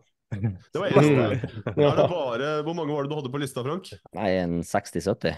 Ja, ikke sant. Så Nei da, vi, vi går igjen. kommer ut i uh, Bare, men, videre. Men nei, vi kan bevege oss til uh, klubben din, Snorre. Du, dere har jo prøvd å selge en Ilic, men det er vel en annen spiller spiss som er på vei ut òg? Ja, Børvinjo. Børvinjo, ja. til, tilbake til Odd. Ja, ja. Uh, selges er vel en overdrivelse. Det er vel først og fremst snakk om en uh, en uh, sluttpakke eller terminering av kontrakt ved uh, gjensidig enighet. Uh, man skjønte vel kanskje at det bar den veien her når nyheten om at Børven har kjøpt seg hus i, i, Skien, eller i hvert fall i traktene der. Det, det, det, er sånn man finner ut at Odd henter spillere, for det fant ut Andre Hansen har kjøpt seg hus i Skien. ja, ikke sant? Så det, vi, vi, har jo vår, vår hovedkilde er liksom Spegler 1 Skien. Det er der vi eh, får info fra. Andrea Hansen kødda jo også med det at han skulle bo i Skien, men pendle til Polen for å spille der. Ja. Men uh, han er i hvert fall uh, ryktes uh, Har vært rykta en stund, og så kom det også en beskjed litt tidligere i kveld om at det nærmer seg enighet, eh, og at man i hvert fall da Det betyr på at man har blitt enig med Vålerenga om en eh, sluttavtale, fordi det er ikke noe overgangssum involvert. Nils eh, Tore Olsen la ut på Twitter børven til Odd er omtrent i boks. Ingen overgangssum og en bonusbasert toårsavtale med 70 000 i grunnlønn. Hvis ikke noe uventet skjer, er han nok i Marbella, Marbella mellom tirsdag og torsdag, eh, skrev han. Jeg ser jo i hvert fall at det er eh, varierende eh, takes på om Børven tilbake til Odd er eh, bra eller dårlig blant supportere. Det er noen som mener at dette er eh, han er over toppen, det er en, en, ikke en god signering. Så er det andre som tenker hvorfor ikke? Han har jo hatt det før. Han har vist det der før. Det er vel strengt tatt der han har vært god sist også, over tid. Så Men Børven har jo vært i Vålerenga to ganger. Mislyktes begge gangene. Han har vært i Brann og mislyktes. Han var i Rosenborg. Det var faktisk et kvarter og mislyktes. Skåra faktisk riktignok noen mål der. Eh, tredje perioden i Odd, ikke det? Det fjerde? Tredje? Tredje. Eh, veldig god første to gangene. Odd under Kenneth Okken skal spille 4-3-3, så vidt jeg har fått med meg. Eh, passer Børven veldig bra. Trives der. Spiller en klubb med mindre press. Jeg tror det her eh, Og så skal han erstatte en spiss som ikke skåra mål. Eh, så det her tror jeg er en god deal for eh, alle parter. Og hvis han, ikke Men- lykkes Mener du at han, Midtskogen ikke skåra mål? Nei. Hvis han ikke eh, lykkes i Odd, så koster han heller ikke all verden. Nei. Men det blir spennende å se med, om Børvinho fortsatt har det. Hva tror du, Torstein? Kan han komme tilbake til det type spilleren han var sist gang han var i Odd? Da var han jo faktisk brennhet. Ja, det var han. Eh, nei, man har jo sett at uh, spillere har gått hjem til sin Jeg vet ikke om Det er kanskje ikke moderklubb, uh, dette her, men eh, der man har blomstra før og lykkes igjen. Uh, litt mer spent på Børven. Har ikke sett kjempesharp ut, det man har sett han i Vålerenga. Så men det kan, kan alltids hjelpe å komme hjem til det som føles trygt. Eh, og at man kommer til en trener, et system der du blir satsa på fra, fra første kampa. Det kan all del gjøre at Børven bøtter inn mål det til neste år, altså. Mm. Han har det jo i seg, ikke sant? Det veit man jo. Man kan jo si eh, Nå er det bare treningskamper, men jeg tror når, eh, på de to treningskampene han har spilt, så har han skåret tre mål. Jeg tror det er nesten like mange mål som han har eh, skåra i eh, obligatoriske kamper for eh, Vålerenga siden han kom. Altså, han, kanskje han trengte bare få beskjed om at Odd vurderer deg tilbake, så bare et lite ekstra gir eh, i treningskampene og si at nå må man bare bøtte inn. Og så samtidig, eh, det er jo håp da, for en Veton Berisha-retur. Eh, for han har jo strengt tatt bare vært god i Viking, så kanskje han må hjem igjen nå? Det, det tror jeg Stavanger også hadde pris på. Eller hva, Jonas? Ja, jeg tror Rune Edvardsen kommer til å stå og ta imot den på flyplassen. Kjøre den bort for å, å, si- øh, tvinge den til å signere. kjør, kjører han bort for å bette han fast og kjøre bilen utfor kaikanten? ja, nå, nå ble det veldig Nå ble det veldig frank. Nå ble det veldig frank, det kan vi si. Men, øh, Jeg, jeg, jeg tok det der fra Rune Edvardsen. har, har, du, har, du, har, du et, du Hvis vi hopper videre fra Børvinho, da, har du et annet navn? Nei, vi kan jo snakke om uh, han spilleren som var gjest i episode 96. Uh, årets spiller i fjor, toppskårer og uh, slo eh, poengrekord eh, i løpet av en sesong. Amal Pellegrino eh, er klar for eh, spill i USA nå. Han har kommet seg over allerede? Ja, han reiste i dag, så det skal være, skal være sluttført. At det, om det er blitt signert nå, eller om det i hvert fall når episoden er ute, så er det klinkende klart. Altså, alt, er, alt er klart allerede. Så han er på vei alene til USA.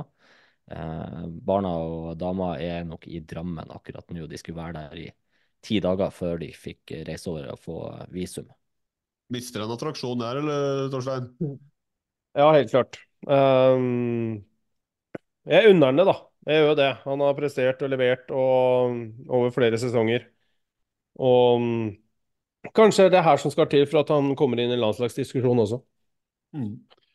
Og, så for alle frustrerte Nå skal ikke vi være, sånn fancy på det, men for alle frustrerte fancy-spillere som ikke vet om du skal cappe eh, Det er lenge igjen av norske overgangsvindu. Pellegrino kan være til start, han, eh, når vi eh, skriver første serierunde. Ikke tenk på det, det kan gå fint. Men, En gledelig, gledelig melding fra Pelle i går, da, det er jo at han har eh, lagt igjen eh, signert trøye og signerte Nike-sko eh, Nei, unnskyld, Puma-sko.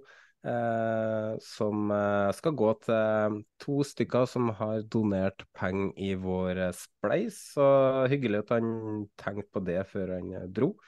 Så um, sendte jeg nå en uh, screenshot av en uh, skummel uh, snap jeg fikk av Frank, hvor han skrev at han var på vei til flyplassen for å si farvel til Pelle, men jeg fikk òg melding om at han rakk aldri å se den før det var for seint. Men han sa det var hyggelig å møte deg, Frank.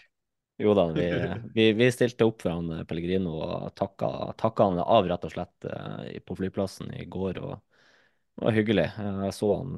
Det, det betyr Altså, han sier det jo sjøl at oppholdene hans her i Bodø det, det, er liksom, det har slått han rett i hjertet. Han trivdes veldig godt i byen. Så det var liksom en tung avgjørelse. og han sa, sa det vel til oss at dattera visste egentlig ikke hva hun skulle være med på ennå, for hun ville jo bo i Bodø. Hun tror hun er bodøværing, selv om hun har vært der i to og et halvt år. så jeg tror det var litt sånn familiære årsaker som kunne gjort at han eh, ble igjen i Bodø, men jeg, jeg unner Pellegrino et eh, eventyr eh, nå og ønsker han eh, masse lykke til i USA, og at han skal få vise han Messi hvem som faktisk er best. Så sier si Pelle òg at eh, det, han bekrefta når jeg prata med ham for uh, ukes tid siden, at eh, det var et utrolig vanskelig valg for han. Eh, fordi at han følte at det var vinn-vinn. Eh, å dra og få et eventyr i USA, det det, det, det, var, det ville vært veldig kult, som han sa. I tillegg så bor han i California. Det er litt annet klima enn i Bodø. og Vi vet jo hvor glad Pelle er i varme. Han går jo rundt eh, på Aspmyra med bøffen midt i august. Eh, men så sa han jo at, eh, at um, han å bli igjen i Bodø aldri, ville aldri vært noen nedtur for han. Fordi han, han, var, han følte seg ikke ferdig. Uh, han uh, ønska jakt jakte på uh, målrekorden til Odd Iversen på én sesong. Han, han, hadde flere rekorder han ville ta. Han ville være med og spille Glimt til Champions League. Han ville ha dette cupgullet. Så han, følte seg ikke ferdig i Glimt ellers. Så det var et vanskelig valg for Pelle. Så som han sa, det var vinn-vinn. Mm. Det er artig, da. Fundamentalt eh, Eller hvordan man liksom fundamentalt kan ha et så forskjellig oppfattelse, jeg og Pelle, om hva Bodø by er. For han er blitt så glad i byen. og jeg har, jeg har, jeg har så dårlig tid med å komme meg hjem når jeg er oppe. Så det, det, det sånn, den byen den gir og tar. Ja, men du, du, du trives på lørdagskveldene, ja, du sitter og pilser? Ja, men det er du og pils som er stikkordet der. Så, men jeg vet ikke hvor mye Pelle har gjort det i sesong ja, for å levere de tallene han gjør. Det tror jeg ytterst lite. Men uh, var det mer, eller? Ja, vi kan jo bevege oss til en nyopprykka klubb som virkelig ser ut til å begynne å forsterke seg nå, Fredrikstad. Uh, Henta Petter Nåse Dahl på lån fra Bodø-Glimt for noen dager siden. Nå ligger det vel i kortene at Bjørlo skal fra Rosenborg til og det, De har virkelig begynt å trekke opp navn for å gjør muligheten sin for å holde seg i Eliteserien sesonger bedre. Ta med Pavel Shrupalla, da, som er egentlig Rosenborg-spiller, som ikke har vært der på god stund. Spilte spilt litt i Polen. Ble henta til Rosenborg fra akademiet til Fredrikstad i en tid, tror jeg. Han er ved stå der og trener nå. Morten Bjørlo han vil ikke forlate Rosenborg. Han har lyst til å være der og kjempe om en plass. Og har egentlig vært innstilt på det. Det sa han jo til oss uh, på julekalenderen, og han uh, sa det for noen dager siden, at han, han, ønsker å kjempe om en plass i Rosenborg. Og, og er innforstått med at uh, det blir ikke 90 minutter hver helg, men han har lyst til å være der og prøve. Men tydeligvis er han kanskje ikke ønska nok da, til at han blir værende i Trondheim. Og det, det syns jeg er synd, for jeg har sett alle treningskampene til Rosenborg nå. jeg syns han rett og slett har vært bra når han har vært ute på banen. Jeg har ikke gjort seg bort i det hele tatt, og kunne hatt en fin rolle på benken. Uh, ser for meg de gangene Hen Henriksen skal hviles eller bli skada, så hadde han vært en perfekt erstatter for han. Bra høye presse, bra med ball, bra så Jeg mister jo alle ballene. Um, en bra spiller, også veldig undervurdert. Og det tror jeg mange rosenborgere har uh, inne, innforstått med i siste tida òg. Så um, jeg, lav lønn i tillegg, så jeg syns det er rart å bare slippe en sånn, men uh, OK. Men uh, unnskyld meg, er det noe jeg gått glipp av her, eller? Uh, gikk Petter Låsedal til Fredrikstad? Var ikke han på retur til Koffa? Jo, vet du hva, det er jeg som har slurva i slurvene jeg noterte ned her i all hu og hast når Jonas ga meg oppgaven et kvarter før innspilling, så det er jeg som har slurva her. Ja, fordi det er mye morsommere for oss, da, som Koffa er riktig, men, men, det jeg skulle si, var jo Jeppe Kjær, egentlig. Så jeg har blanda ja. de to. Mm. Jeppe Kjær gikk jo på lån fra Bodø-Glimt til Fredrikstad. Det er så mange spillere i Bodø-Glimt, det er lett å Så jeg har blanda de to når jeg har klodra ned notatene her. Og det er helt greit. Jeg bare tenkte det var viktig for vi som liker å tulle med liksom, at Bodø-Glimt-spillere til utlandet kommer fort hjem igjen og sånn. Vi har jo funnet en ny vinkling. Det er at uh, nå har Bodø-Glimt begynt å kjøpe spillere og sende det tilbake like fort som uh, de henta det. Så det, nå har det virkelig tatt et, et nytt nivå, uh, Bodø-Glimt-style. Men uh, Torstein, Fredrikstad, skal man si mener alvor, eller hva tenker du om det de foretar seg nå? Nei, For dem så blir det jo Jeg, jeg vet litt uh, nøkternt. Ikke altfor mye penger ut. Uh, mål om å holde seg, det er vel det som er Som også er lest i lokalpressa der nede, at det er det som er målsetningen deres. Vært jo heisa vært langt nede. Det er vel det som er greia i år, vil jeg tippe. Um, de sto jo godt defensivt i fjor, da, i Obos. Jeg må si det er overraska over hvor bra de sto i forhold til det man er vant til å se fra fra Fredrikstad. Så, og at de forsterker uh, også, er jo egentlig bare positivt. Jeg også vil tro at Mjølo er en spiller som kunne ha passa bra inn der med den rutinen uh, han er fra det øverste nivået. Så Og hadde jeg vært han, så Jo, jeg ser den, Jonas, med å sitte på en benk og vente på at uh, Henriksen skal tråkke over eller et eller annet sånt. Jeg, jeg, håper jo for all del at gutten har litt mer indre driv og har lyst til å spille hver helg. Uh, det håper jeg. jeg. jeg. skjønner jo at det er greit. Plutselig så er Henriksen ute for hele sesongen, og så spiller han uh, alt. Det kan jo for all del skje. Det har jo skjedd to uh, ganger på tre år. Så. Ja, ikke sant. det, ja, det kan jo fullt skje. Men, men, men er ikke bedre da å, å liksom det her var mest sannsynlig siste muligheten hans for en toppklubb. Ikke toppklubb ja. på tabellen, men toppklubb ja. sånn i størrelse. Um, ja. At den at hvis han bare OK, jeg gir det 2024, nå skal jeg gi alt for Rosenborg. Og hvis ikke det går, så, så får han en klubb som Fredrikstad uansett etterpå. Men så, så, så, var det vel egentlig ikke meninga at han skulle være med på treningsleiren til, eh, til Spania, var det det? Nei, men det, vel... det, er jo ikke treneren sitt valg, da. Det er jo nei, nei. Det er det jo, ikke sant. Men da sitter man jo allerede der med en sportsdirektør som er usikker på om han vil ha deg der. og blir en trener uh, pusha i den retningen at han skal vekk, eller er det treneren som får bestemme ut ifra hva, hva, han ser på trening, om at han behøver vi? I utgangspunktet så skal det jo holde at en trener ser at oi, som du sier har vært bra i de treningskampene som Rosenborg har hatt. Ok, kanskje det her er en spiller vi trenger. Da må i hvert fall Bjørlo få vite det. At du får kanskje mer spilletid enn du hadde forventa beskjeden du fikk 1.1. Nei, jeg kjemper jo med Nypan Henriksen om en indreløperplass, og det er klart at den tar han ikke. Det Nei, selv, den. det gjør han ikke. Eh, og så har du Broholm som kan spille indreløper, du har Tagseth tilbake fra skade nå, du har ja. eh, altså, og Venenen, en spiller de har trua på. så Det er jo ikke akkurat eh, bare å gå inn på den midtbanen til Rosenborg heller, for den midtbanen til Rosenborg er faktisk sterk på papiret. Så mm. ja. Ves vesentlig som, eh, ja, Hva skulle du si, Frank? Nei, skulle si vesentlig på papiret, for det er langt fra praksis enn så lenge. Men eh, det kan motbevise meg. Ja. Jeg tenkte på, Apropos spillere som blir eh, igjen hjemme fra treningsleir. Frank, kan du fortelle noe om Omar Labdelawi og hva vel han Kuber, er ikke han heter? Jo, altså Lukas Kuber var jo på utlandet i jeg tror det var Moss i fjor, jeg husker ikke helt. Men eh, han er jo en ung tsjekker som er veldig spennende. Eh, spiller på, eh, på U21-landslaget til Tsjekkia, om jeg ikke husker feil. U20 eller U21. Veldig spennende fremtidsprospekt for Glimt, men han er nok sannsynligvis tenkt å lånes ut i år òg. Omar El Abdelawi, det var jo en nyhet som den slo litt hardt for meg tidligere i dag. Jeg har egentlig ikke klart å plukke opp hva grunnen til det er. Eh, lokalmedia har heller ikke plukket grunnen til at han Omar ikke er med, om det er noe ny skade eller noe sånt som gjør det. Han er jo ikke med i europatroppen til Glimt, i den 25-mannstroppen. Så det kan hende det at han rett og slett nå er hjemme og skal drive med et egensnekra program for å bygge form og uh, alt det her. Han har jo vært slitt med skader i hele fjor, så det kan være at det er et lang, langsiktig tankegang fra Glimt at han skal ha et individuelt program som skal gjøre han best skikka til å faktisk være klar til seriestart, at det er der det ligger. Glimt reiser jo nå ned ei uke til Spania igjen, og så drar de rett til Nederland. Så det er, det er mest sannsynlig den troppen som skal dit, da, som er på vei til Spania nå. Ja, Ellers er du jo ferdig. Men det var jo rykter også. TV 2 uh, sa det på en sånn uh, overgangsprat uh, før vinduet stengte. At ryktene før Vålerenga rykka ned, at det hadde vært samtaler om at Omar skulle til Oslo og Vålerenga, men det stranda. så det er jo et tegn på at kanskje det går mot slutten for Omar i Bodø-Glimt.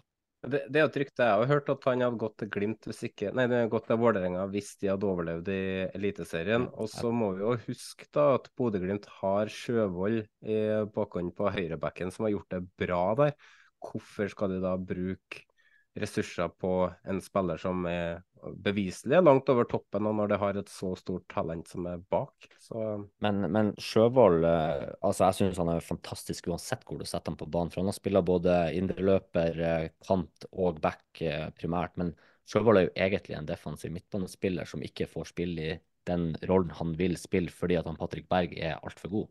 Mm. Du setter ikke han Patrick Berg ut av laget, rett og slett. Men Sjøvold er en sånn allvennlig spiller som kan brukes mange plasser, og han har kledd i Bris sine skadefravær veldig godt. Så uh, ja, jeg er på mange måter enig i det at Omar kunne dratt til Vålerenga, og Sjøvold kunne vært backupen til Bris på høyrebacken i tillegg. For, for, det er jo Når du er 20 år, så handler det om å få mest mulig minutter, og Sjøvold har utvikla seg ekstremt godt siden han kom til Glimt i 2020. Mm. Så skal du bare ta med i den Ja, sorry, Torstein. Det er aldri et godt tegn når ikke lokalmedia veit hva som er grunnen til at du ikke er med. Okay. Da er du som oftest på tur bort. okay. Det er liksom en fin innsikt som ikke jeg har tenkt over før. Det er bra. Uh, hvis ikke lokalmedia vet, så er du som regel på tur bort. Ok, greit.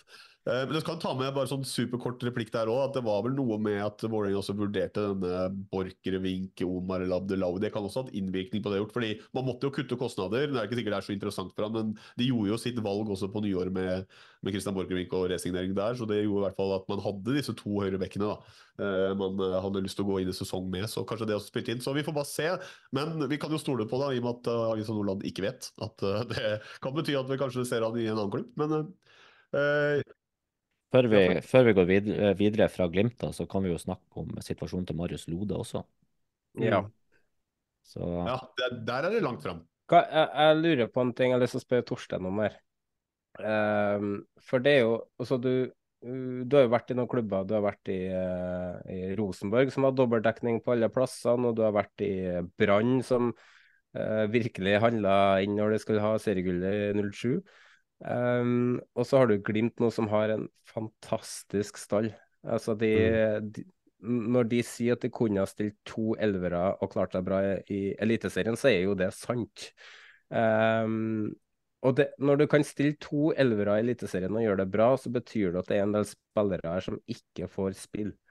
Um, og Lode er per nå mest sannsynlig femtevalg som stopper. Fordi de spilte en kamp hvor de bytta lag, hele laget til pause, og han var den eneste i den 23-mannstroppen som ikke fikk spilletid. Hva kan det der gjøre med en uh, gruppe? Um, altså Vi vet jo at når, når lagene vinner, uh, så er det veldig få folk som går ut og sutrer fordi at det, det blir for dumt. Laget vinner uansett. Men la oss si at de får en liten motgang her nå. Hva, hva mm. kan være verste konsekvens for uh, gruppedynamikken i garderoben? Oh. Um, du kommer alltid til å ha misfornøyde spillere. Jeg har også vært borti der at du har spilt internkamp, da du har fem stykker som ikke får spille internkamp. Det er jo alltid kjempegøy. Og fire, fire av de var faste året før, liksom. Så kommer mm. du på første treningsleir, så spiller du ikke internkampen. Og det er jo, Sånne ting gjør jo helt klart noe med dynamikken i en garderobe. Alt er mye enklere når du vinner. Uh, men nå har jo Molde vunnet, nei, Molde, Glimt vunnet mye i det siste.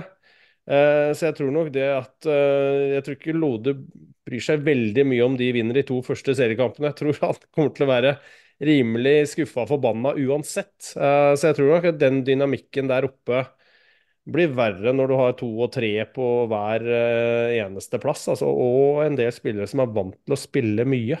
Um, det er det det går på. Har du spilt jevnt over i to-tre år, og så plutselig er du femtevalg, så så går det jo litt på hva han vil selv, da. ikke sant? Noen står jo i det. Du har, jeg har jo vært borti spillere som står i det, og så uh, midt i sesongen så er det du som spiller uh, hele høstsesongen. Og så har du noen som bare gir opp ganske kjapt. Det virker jo ikke som Lode ut ifra intervjuene ser har veldig lyst til å gi opp. Men uh, det er jo ikke kjempetøft når du bytter 22 mann, og du er, ikke, du er ikke en av dem. Um, Lode, når han var i Glimt uh, første gangen, han fikk det ikke til første året i det hele tatt, og var på vei bort fra Glimt uh, egentlig til uh, Viking da. Og da bestemte han Lode seg for at nei, han skulle stå i det, han skulle motbevise alle, og vips så var han jo en av de beste midtstopperne i hele serien. Han kom jo etter en, blant annet denne her dopingdommen i Bryne, og trodde jo egentlig at karrieren var over når han kom til Glimt, og Glimt plukka han jo opp når før Glimt faktisk eh, tok de stegene som de har gjort. Så han har jo vært med på hele reisa, på en måte. Men mm. han har jo ikke vært den samme spilleren etter han kom tilbake etter oppholdet i Tyskland. Han har jo, om det en, om det er en knekk rett og slett eh, på eh, selvtilliten og det her, da.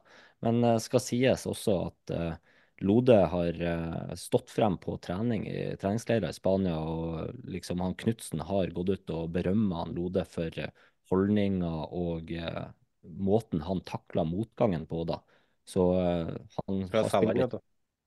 ja, det kan, kan, godt være at det er salg, og det kan vi sikkert gå inn på nå ganske snart. Men vi snakka litt om høyrebacken i Glimt og Omar og det. Og Lode kan spille høyreback også, i tillegg til stopper. Han, har, han er en av de kjappeste stopperne i Eliteserien. Problemet med han Lode er at han er eh, Sånn som jeg oppfatter det, han er litt uh, treg i reaksjon på hvordan spillet flyter. Så han mister gjerne den første meteren eller to før han må springe det opp igjen. Og det er mm. på en måte en måte å være treg på, selv om at han er jævlig kjapp. Så, mm. men, eh, men, men, akkurat nå så ser han jo ut som å være femtevalget på stopperplass i Glimt, og det er en spiller som vil spille i den tida han er i karrieren nå, vil spille fast på et høyt nivå, så er ikke det godt nok. Det jeg tror kan skje her, da, det er jo at Viking skal jo ha en stopper. De må erstatte Brekalo. Uh, Stensnes er fortsatt ute en god stund, tror jeg. Uh, så de er nødt til å ha stopper, og jeg er ganske sikker på at Lode står høyt på den lista der. Så vi skal ikke se bort fra at Viking lar tida være til hjelp nå for å presse ned summen, kanskje ned til null. For, men så skal de også ta over en uh, spiller som har veldig høy lønn. Så Lode må jo virkelig ha lyst til å flytte på seg og gå ned lønn da, for at det her skal bli en realitet. Mm.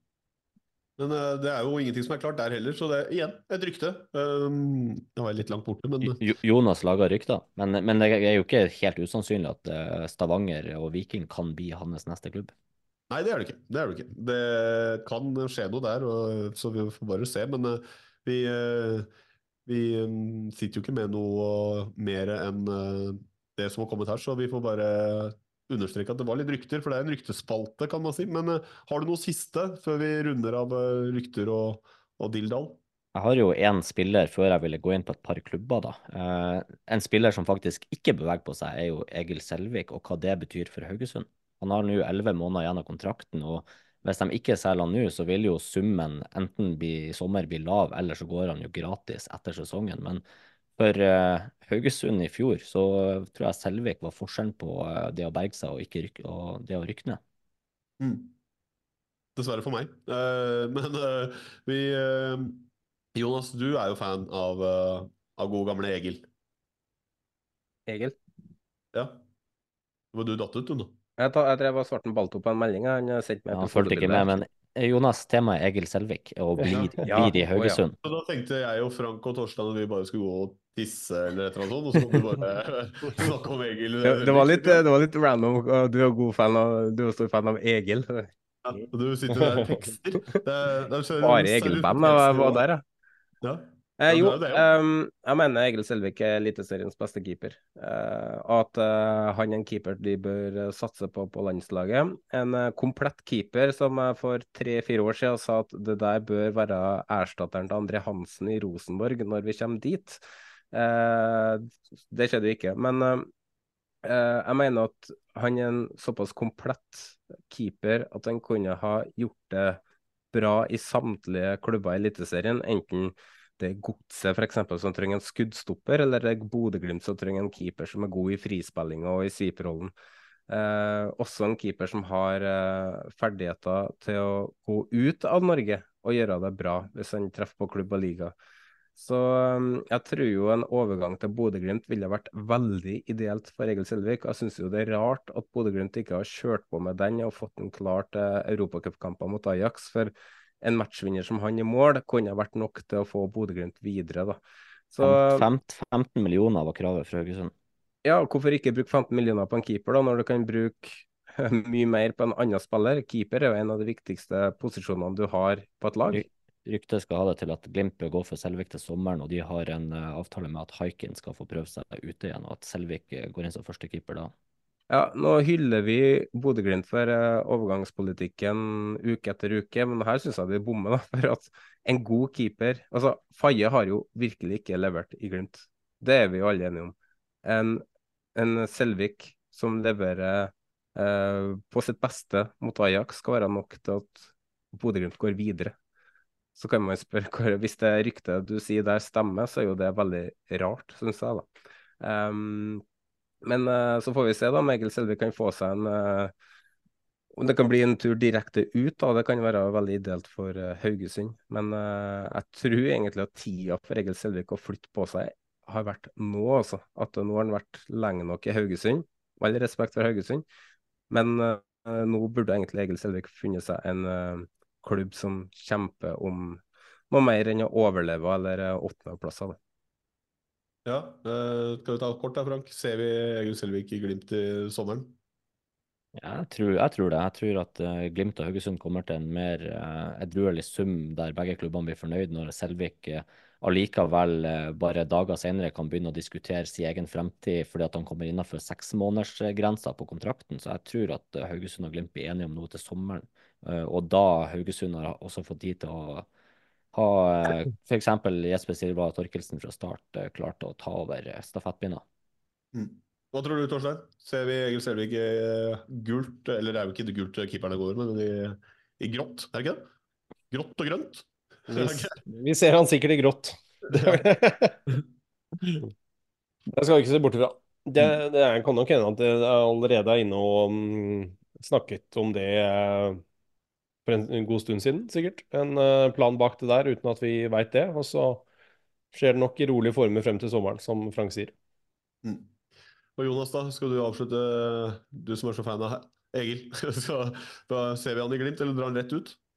Um, nei, det er vanskelig å si. Det, det, er jo ikke akkurat sånn at utenlandske klubber uh, drar til Haugesund og scouter spillere heller. Men uh, hvis de begynner å se på statistikk, så bør Selvik være på lista, for han var den statistisk sett den beste keeperen i 2023 på mange områder. Um, jeg tror han er, eh, er moden for en eh, overgang til en bra klubb i Nederland eller Belgia. Og vi hadde jo keeperspesial med Haugesund, eh, og har snakka med flere Det var en som sa det, som var med som gjest. Jeg husker ikke hvem det var, men den personen hylla mentaliteten til Egil Selvik, og hvor sterk han var, og hvor uh, uansett åssen uh, det, det, var Alexander Søderlund. Uansett åssen uh, ja, han, hadde, han, hadde, kun opplevd Birger Meling som enda mer profesjonell enn det Egil Selvik er. At han var profesjonell helt til fingerspissen i alt han gjorde og foretok seg som fotballspiller. Og det, det er jo et godt tegn, da. Um, så jeg tror ikke han trenger å dra til Glimt for å dra videre. Mm. Det var langt svar på kort spørsmål. Men uh, ja, det er Jonas som keepere. Da kan det bli spesialepisode. Men uh, det var uh, spillerrykter og det som har ja, kan bevege seg, og har uh, beveget seg i uh, det siste. Men uh, det var én ting til på blokka, Frank. Det var ikke spiller, det var rett og slett klubb.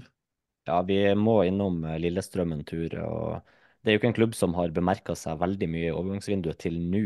Og det får høre seg på sosiale plattformer der Simon Mesvin rett og slett blir hengt ut av egne supportere. Det er mye uro og altså det er mye det, det, det, er rett og slett stygt, det som foregår. Så vi må snakke litt om ståa i Lillestrøm, rett og slett, og hva, hva som skjer der. Ja. Eh, Jonas. Eh, Torstein. Ståa, ståa er vel som, ståa som Frank sier, er jo at det er veldig lite som skjer. Ja, de har jo, har jo hatt en del afrikanere innom som når jeg har vært på, innom agenter, at han Eke sto jo i hallen her på mm, RB og hadde en del afrikanere som var inne og spilte noen treningskamper og sånt. Bortsett fra det så har det vært veldig stille, altså. Det er vel, det er vel mest passiviteten til Mesvin som jeg tror er grunnen til at han får såpass mye pes av supporterne. Um, at uh, Men kanskje det um, Jeg vet ikke. Kanskje de ikke helt vet hva de er ute etter. Det virker litt sånn, altså. Um, Ut ifra hva som har vært på prøvespill og sånt. Um, um, klarer heller ikke å få det ut ifra lokalpressen. Det, det, snakkes jo veldig mye, men det er veldig lite sånn konkret. Uh, ut i hva, hva, de har sett etter. Um, og de afrikanerne som har i hvert fall, i hvert fall ut ifra dem mine kompiser som har vært og sett, har heller ikke vært noe sånn outstanding som burde hentes og komme som noen forsterkninger nå. Mm. Så um, det er vel den passiviteten som uh, Mesfin får kjørt seg på, tror jeg. Og så er det jo litt med uh, Hvis du først blir passiv, sånn som det kanskje er nå, det kan jo være en strategi bak det, det skal ikke jeg uttale meg så veldig mye om, men uh, da begynner jo også folk å dra fram eksempler på kanskje ikke fullt så gode overganger som også har blitt gjort av samme uh, sportssjef, så da liksom baller det litt på seg. Altså, det finnes jo ingen sportssjefer som kun signerer full klaff og, og, stjernespillere, men alle har litt Men da er det veldig lett å dra de opp av hatten, kanskje? Eller hva, hva tenker du, Jonas? Jo, det er jo det, men uh, Torstein er jo inne på det med passiviteten. da. Uh, vi sa jo det i sommer, uh, for, for, det starta allerede da. De selger Core Adams, og så um, Det kom liksom ikke noe mm. inn i sommer som skulle forsterke Lillestrøm.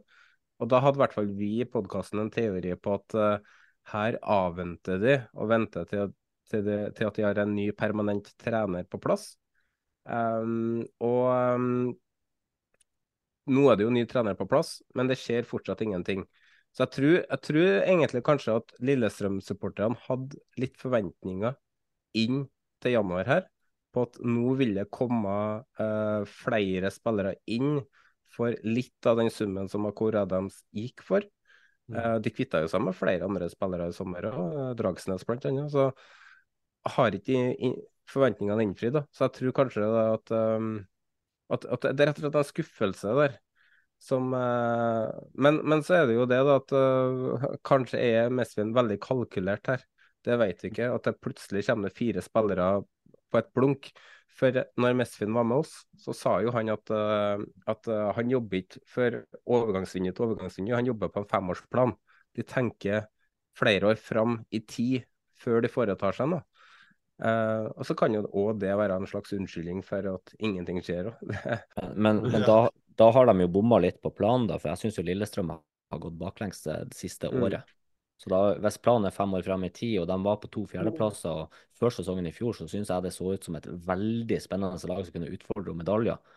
Nå ser jeg jo på et lag som i verste fall kan ligge eh, type situasjon som Vålerenga lå lenge i fjor. da. Jeg tror ikke Lillestrøm rykker ned, men det, the, det, the famous Nei, men det er the famous last words, liksom. Jeg tror ikke de rykker ned, men det kan jo skje. Faen. Men så henter de Sam Rogers til var det fem millioner, og det, det syns jeg er ganske sjukt. For da har jeg ikke sett en Sam Rogers i Rosenborg.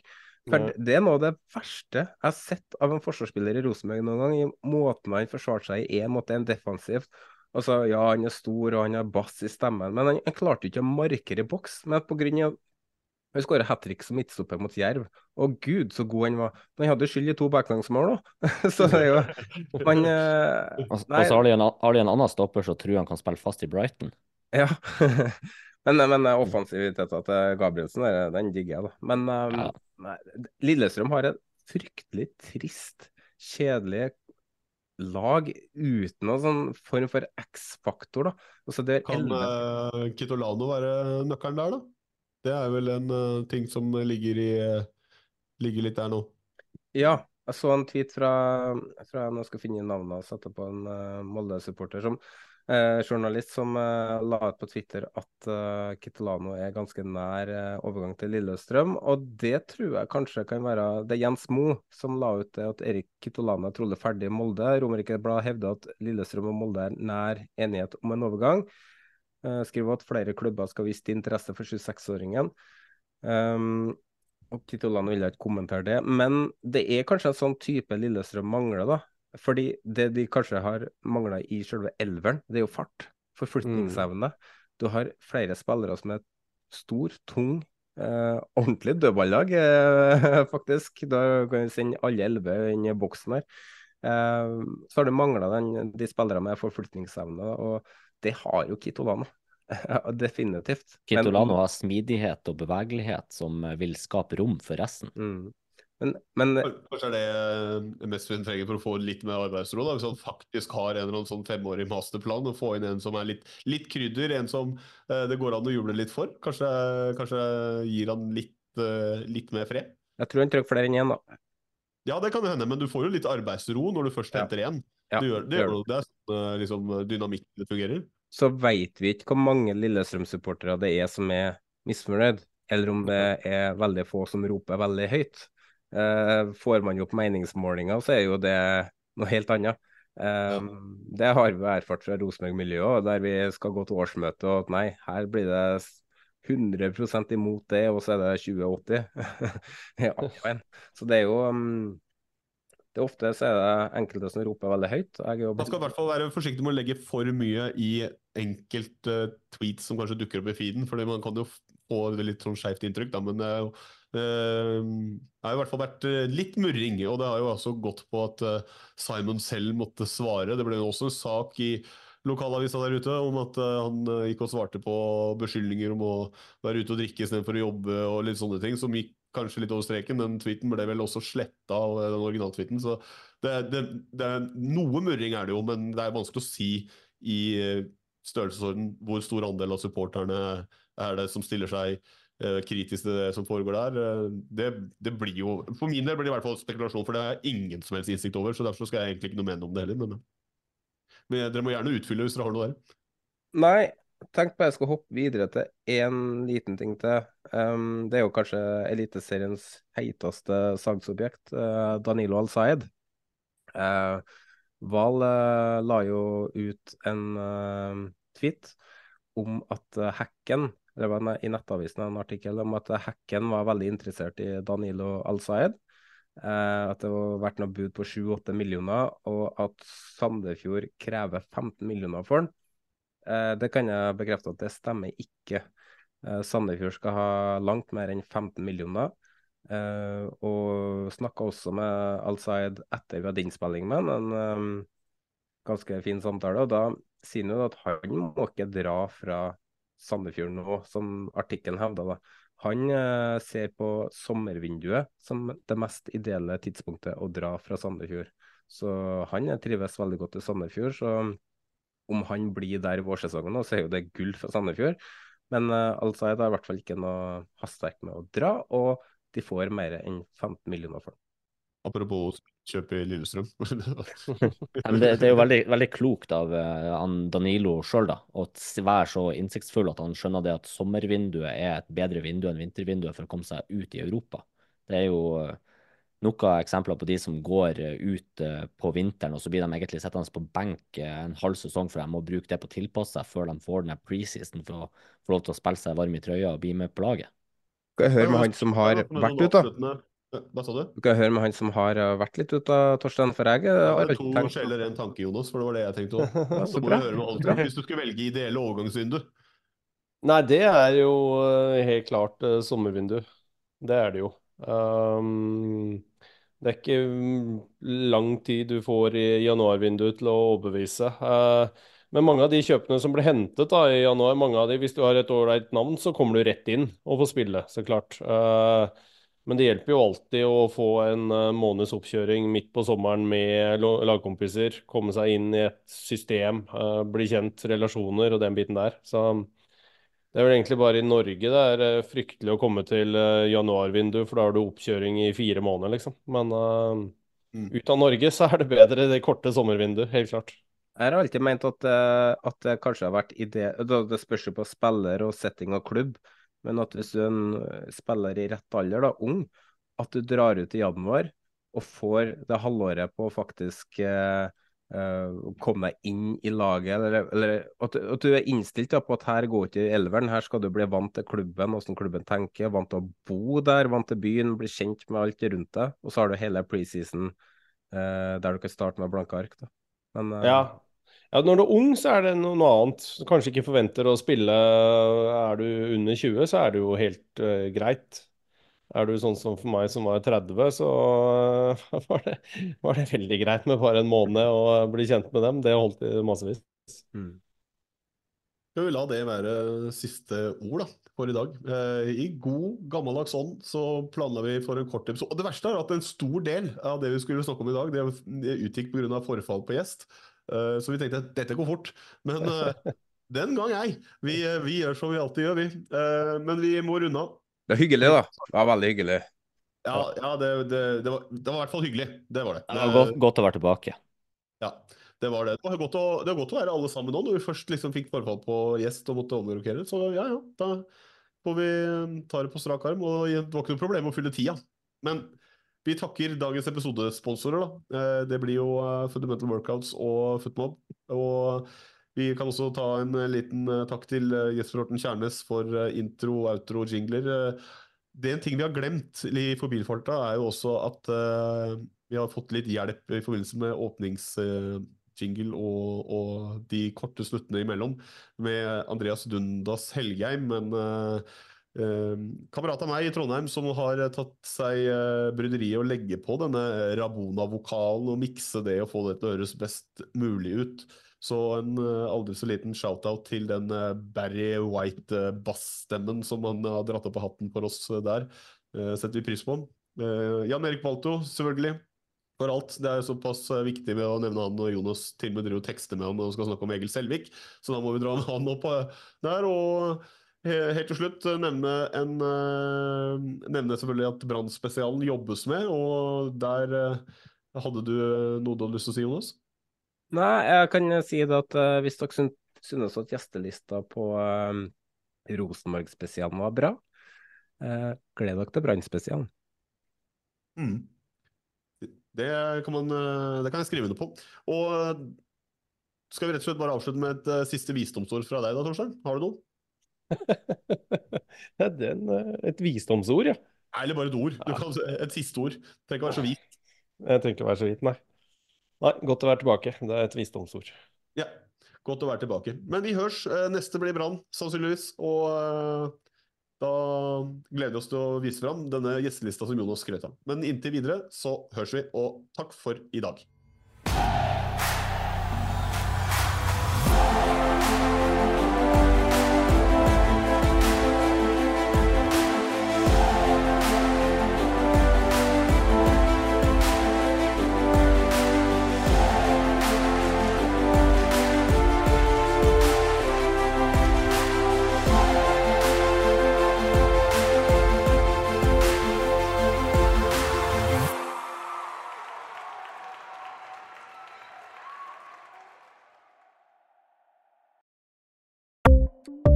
Ukens annonsør er HelloFresh. HelloFresh er verdens ledende matkasseleverandør og kan være redningen i en travel hverdag. Mange av oss har nok vandret i butikken både sultne og uten en plan for middagen, som ender med at vi går for de samme kjedelige rettene gang på gang. Middag burde være dagens høydepunkt. Som HelloFresh kan du nå velge mellom 25 ulike retter hver eneste uke, eller få HelloFresh til å sette sammen menyen for deg. Dette gir deg muligheten til å prøve nye og spennende retter alene eller sammen med familien. Du velger antall porsjoner og får alt levert på døren på et tidspunkt som passer for deg. Oppskriftene er enkle, og maten er lett å lage både for store og for små. Ved å få alt levert hjem får du også mer tid til å dele matgleden med familie og venner. Kanskje det frister med asiatiske tacos eller greskinspirert kylling? Da kan jeg anbefale deg om å gå inn på hellofresh.no. Her kan du bruke koden FOTBALL og få opptil 1779 kroner i rabatt på de første fem matkastene hvis du ikke har prøvd HelloFresh tidligere. Du kan også bruke rabatten hvis du har vært kunde og stoppet abonnementet ditt for tolv måneder siden eller lengre. Gå inn på hellofresh.no og bruk koden FOTBALL.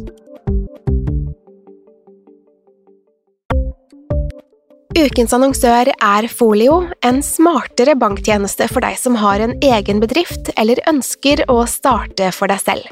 Folio er en superenkel nettbank for bedrifter. Som kunde i Folio får du en bedriftskonto med et bedriftskort og app. I denne appen er det smarte løsninger som forenkler regnskapet ditt, uansett om du har en liten bedrift eller et enkeltpersonsforetak. Folio er både intuitivt og brukervennlig, og er laget med et enkelt språk. I tillegg tilbyr de forutsigbare priser og ingen skjulte gebyrer. Skulle du likevel trenge det, så kan du snakke med deres raske og hyggelige kundeservice, og der får du prate med en faktisk person og ikke en chatbot. Folio er med andre ord både enklere og koseligere enn banken. Over 10 000 bedrifter har allerede valgt Folio som sin banktjeneste, så besøk folio.no og se hvordan Folio kan forenkle din hverdag også. Har du et enkeltpersonforetak eller en liten bedrift?